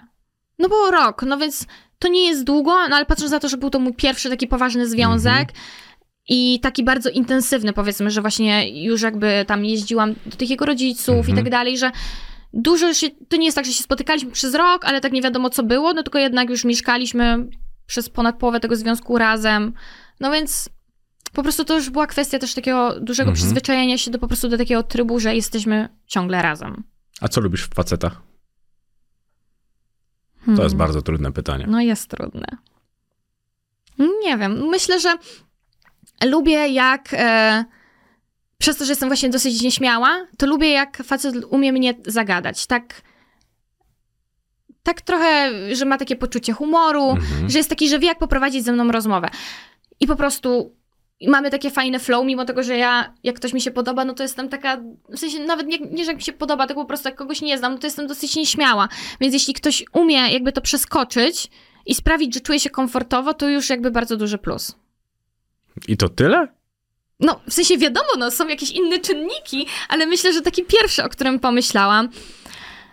No, a tak to nie wiem, no, ciężko mi też opisać i od, jakby odpowiedzieć, bo u mnie to jest tak, że że mi się tak ktoś spodoba, czasami sama nie wiem Mhm. dlaczego. Że nic konkretnego nie łączy tych osób wszystkich, nie wiem, gdzieś tam moich poszczególnych, y, które gdzieś tam się przewinęły w moim życiu. Ale jakoś tak każdy miał coś w sobie i, Mhm. i mi się spodobał. I gdzie taka dziewczyna, która dostała bana na Tinderze, szuka chłopaka, poza tymi klubami? No właśnie, ja nie szukam. W sensie zacznijmy od tego, że ja nie szukam. Ale rzeczywiście, no jak poznaję już jakichś chłopaków, no to większość albo przez wspólnych znajomych, Mhm. na jakichś wspólnych imprezach, W wyjściach. impreza to jest świetne miejsce, żeby szukać chłopaka. No, w sensie, No, graj w to dalej, no. ja tam nie szukam chłopaka, Mhm. podkreślam to, Ty ale problemów szukasz i świetnie odnajdujesz. no chyba tak. Ale rzeczywiście, no w, moim przypadku, no to, to jest takie miejsce, gdzie ja najwięcej osób w ogóle poznaję na Mhm. imprezach. Impre- jakby nie mówię już, że stricte, stricte w klubie, po prostu wychodząc jakby z ludźmi, gdzieś siedzimy najpierw, nie wiem, z jakąś grupą znajomych, przychodzą znajomi znajomych, no u mnie to tak, no bo tak to ja też nie chodzę jakoś po, nie wiem, gdzie bym miała tych ludzi poznawać, szczerze mówiąc. To też mnie zastanawiało, dlatego, dlatego zapytałem. No, jakby ja sobie tak żyję w miarę A umówiłaś tak, się kiedyś na randkę z fanem? Z kimś, kto napisał do ciebie na Nie. Instagramie? Nie. Nie, czasami widzę, tak bo ja czytam wszystkie wiadomości, więc czasami widzę y, jakieś tam Mhm. e, DM-y. Czasami nawet widzę, że to są jacyś, powiedzmy, wspólni znajomi, no bo widzę, że tam ktoś z moich znajomych obserwuje tą osobę i tak dalej, ale nie, ja mam coś takiego, że już chyba jakbym miała się z kimś spotkać, no to musiałabym tą osobę najpierw gdzieś tam spotkać przez kogoś. Mhm. Na przykład, nie wiem, na jakiejś kolacji byśmy byli, ta osoba by tam była, tam złapalibyśmy dobry vibe i wtedy mogłabym się z tym kimś umówić. Nie wyobrażam sobie tak totalnie nie znając kogoś, dlatego też na przykład Tinder nie jest totalnie dla mnie i jakby w życiu bym tam nie, nie szukała jakby partnera, bo jakoś tak, nie wiem, nie umiałabym z kimś totalnie obcym się spotkać i tak, no nie wiem. Ja Mm, muszę zobacz. właśnie przez kogoś po prostu. To jest bardzo interesujące, bo podejście do związku masz bardzo dojrzałe, bo to możemy ustalić e, razem. A mówisz, że czujesz się, że masz mniej lat niż masz w rzeczywistości. To nadal aktualne? Trochę tak. W sensie może, jeśli chodzi o moje tam, nie wiem, myślenie i tak dalej, to nie czuję się, że o, mam w głowę chmurach i jestem jak 17-18-latka. Nie, jakby mentalnie wydaje mi się, że mam te 25. Bardziej chodzi mi o takie moje codzienne życie, że ja trochę zatrzymałam się na takim etapie, jakbym ciągle miała te 21-22. No bo tak 25 to już mi tak bardzo poważnie, a u Mhm. mnie, żeby było poważnie, to jeszcze trochę chyba, trochę mnie czeka. Dzisiaj lubisz siebie bez makijażu. Miałaś kiedykolwiek problemy z samą akceptacją? Nie, myślę, że nie. Wiadomo, jak tam byłam młodsza, miałam jakieś kompleksy, powiedzmy, Mhm. że to mi się nie podobało, tu, nie wiem, moja twarz nie wyglądała tak i po prostu miałam gdzieś tam jakiś swój wybrany kanon piękna i twierdziłam, że ja jakby, któraś tam część mnie, już nawet nie pamiętam konkretnie co, po prostu pamiętam, że Mhm. jako nastolatka rzeczywiście tu mi się nie podobało, że załóżmy, nie wiem, takie mam włosy, a nie takie, chociaż akurat włosy były zawsze takim czymś, co mi akurat nie przeszkadzało, bo dużo osób też się jakby mm, zawsze zastanawiało, czy, nie wiem, chciałam się przefarbować, bo jestem ruda, tak? A ja mówię nie, że jakby wręcz przeciwnie. Jakby lubiłam zawsze swój kolor włosów. Natomiast natomiast na pewno y, kiedyś tam bardziej miałam jakieś kompleksy, ale nigdy nie miałam takich, żeby, nie wiem, jakoś mega coś ukrywać. Mhm.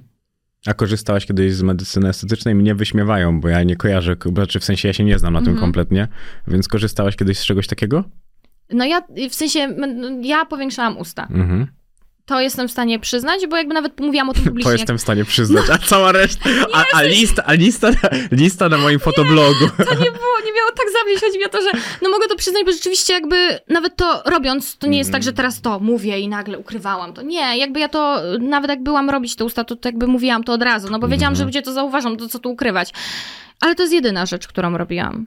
A myślałaś o sobie w kategorii zawsze per atrakcyjna? Nie. To kiedy to się Nie. zmieniło? Kiedy pomyślałaś sobie, spojrzałaś w lustro i mówisz, ej, podobam się sobie. nie, w sensie. Nie, nie patrzyłam na siebie i nie mówiłam, o nie, straszna jestem, nie mogę na Mhm. siebie patrzeć. Nie, tak nigdy nie miałam, ale uważałam się za taką osobę przeciętną. Raz wyglądam lepiej, raz gorzej, wiadomo. Ale jak... teraz patrzysz chyba inaczej, czy nie? Tak, teraz patrzę Mhm. inaczej. W sensie jestem e, o wiele bardziej pewna siebie. Patrzę na siebie w lustro i nie mam czegoś takiego, że uważam, że wyglądam gorzej niż inni, czy wyglądam źle i tak dalej. Nie, ja na przykład ja lubię siebie, e, lubię to, jak wyglądam, lubię swoją sylwetkę. No po prostu patrzę na siebie i mówię, okej.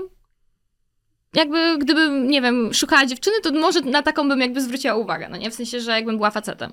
No Mhm. i, i, i tak. Płaczesz bez powodu. A najczęściej w jakich sytuacjach? A to mi się już szczerze zmieniło. Miałam bardzo dużo. d- przede wszystkim, jeszcze tak do ostatniego roku, ja płakałam codziennie z jakiegoś naprawdę głupiego powodu. Po prostu ja miałam jakieś tak w sobie te emocje niepoukładane i tak dalej, że mnie mała rzecz potrafiła jakby zdenerwować Mhm. i ja już od razu miałam łzy w oczach.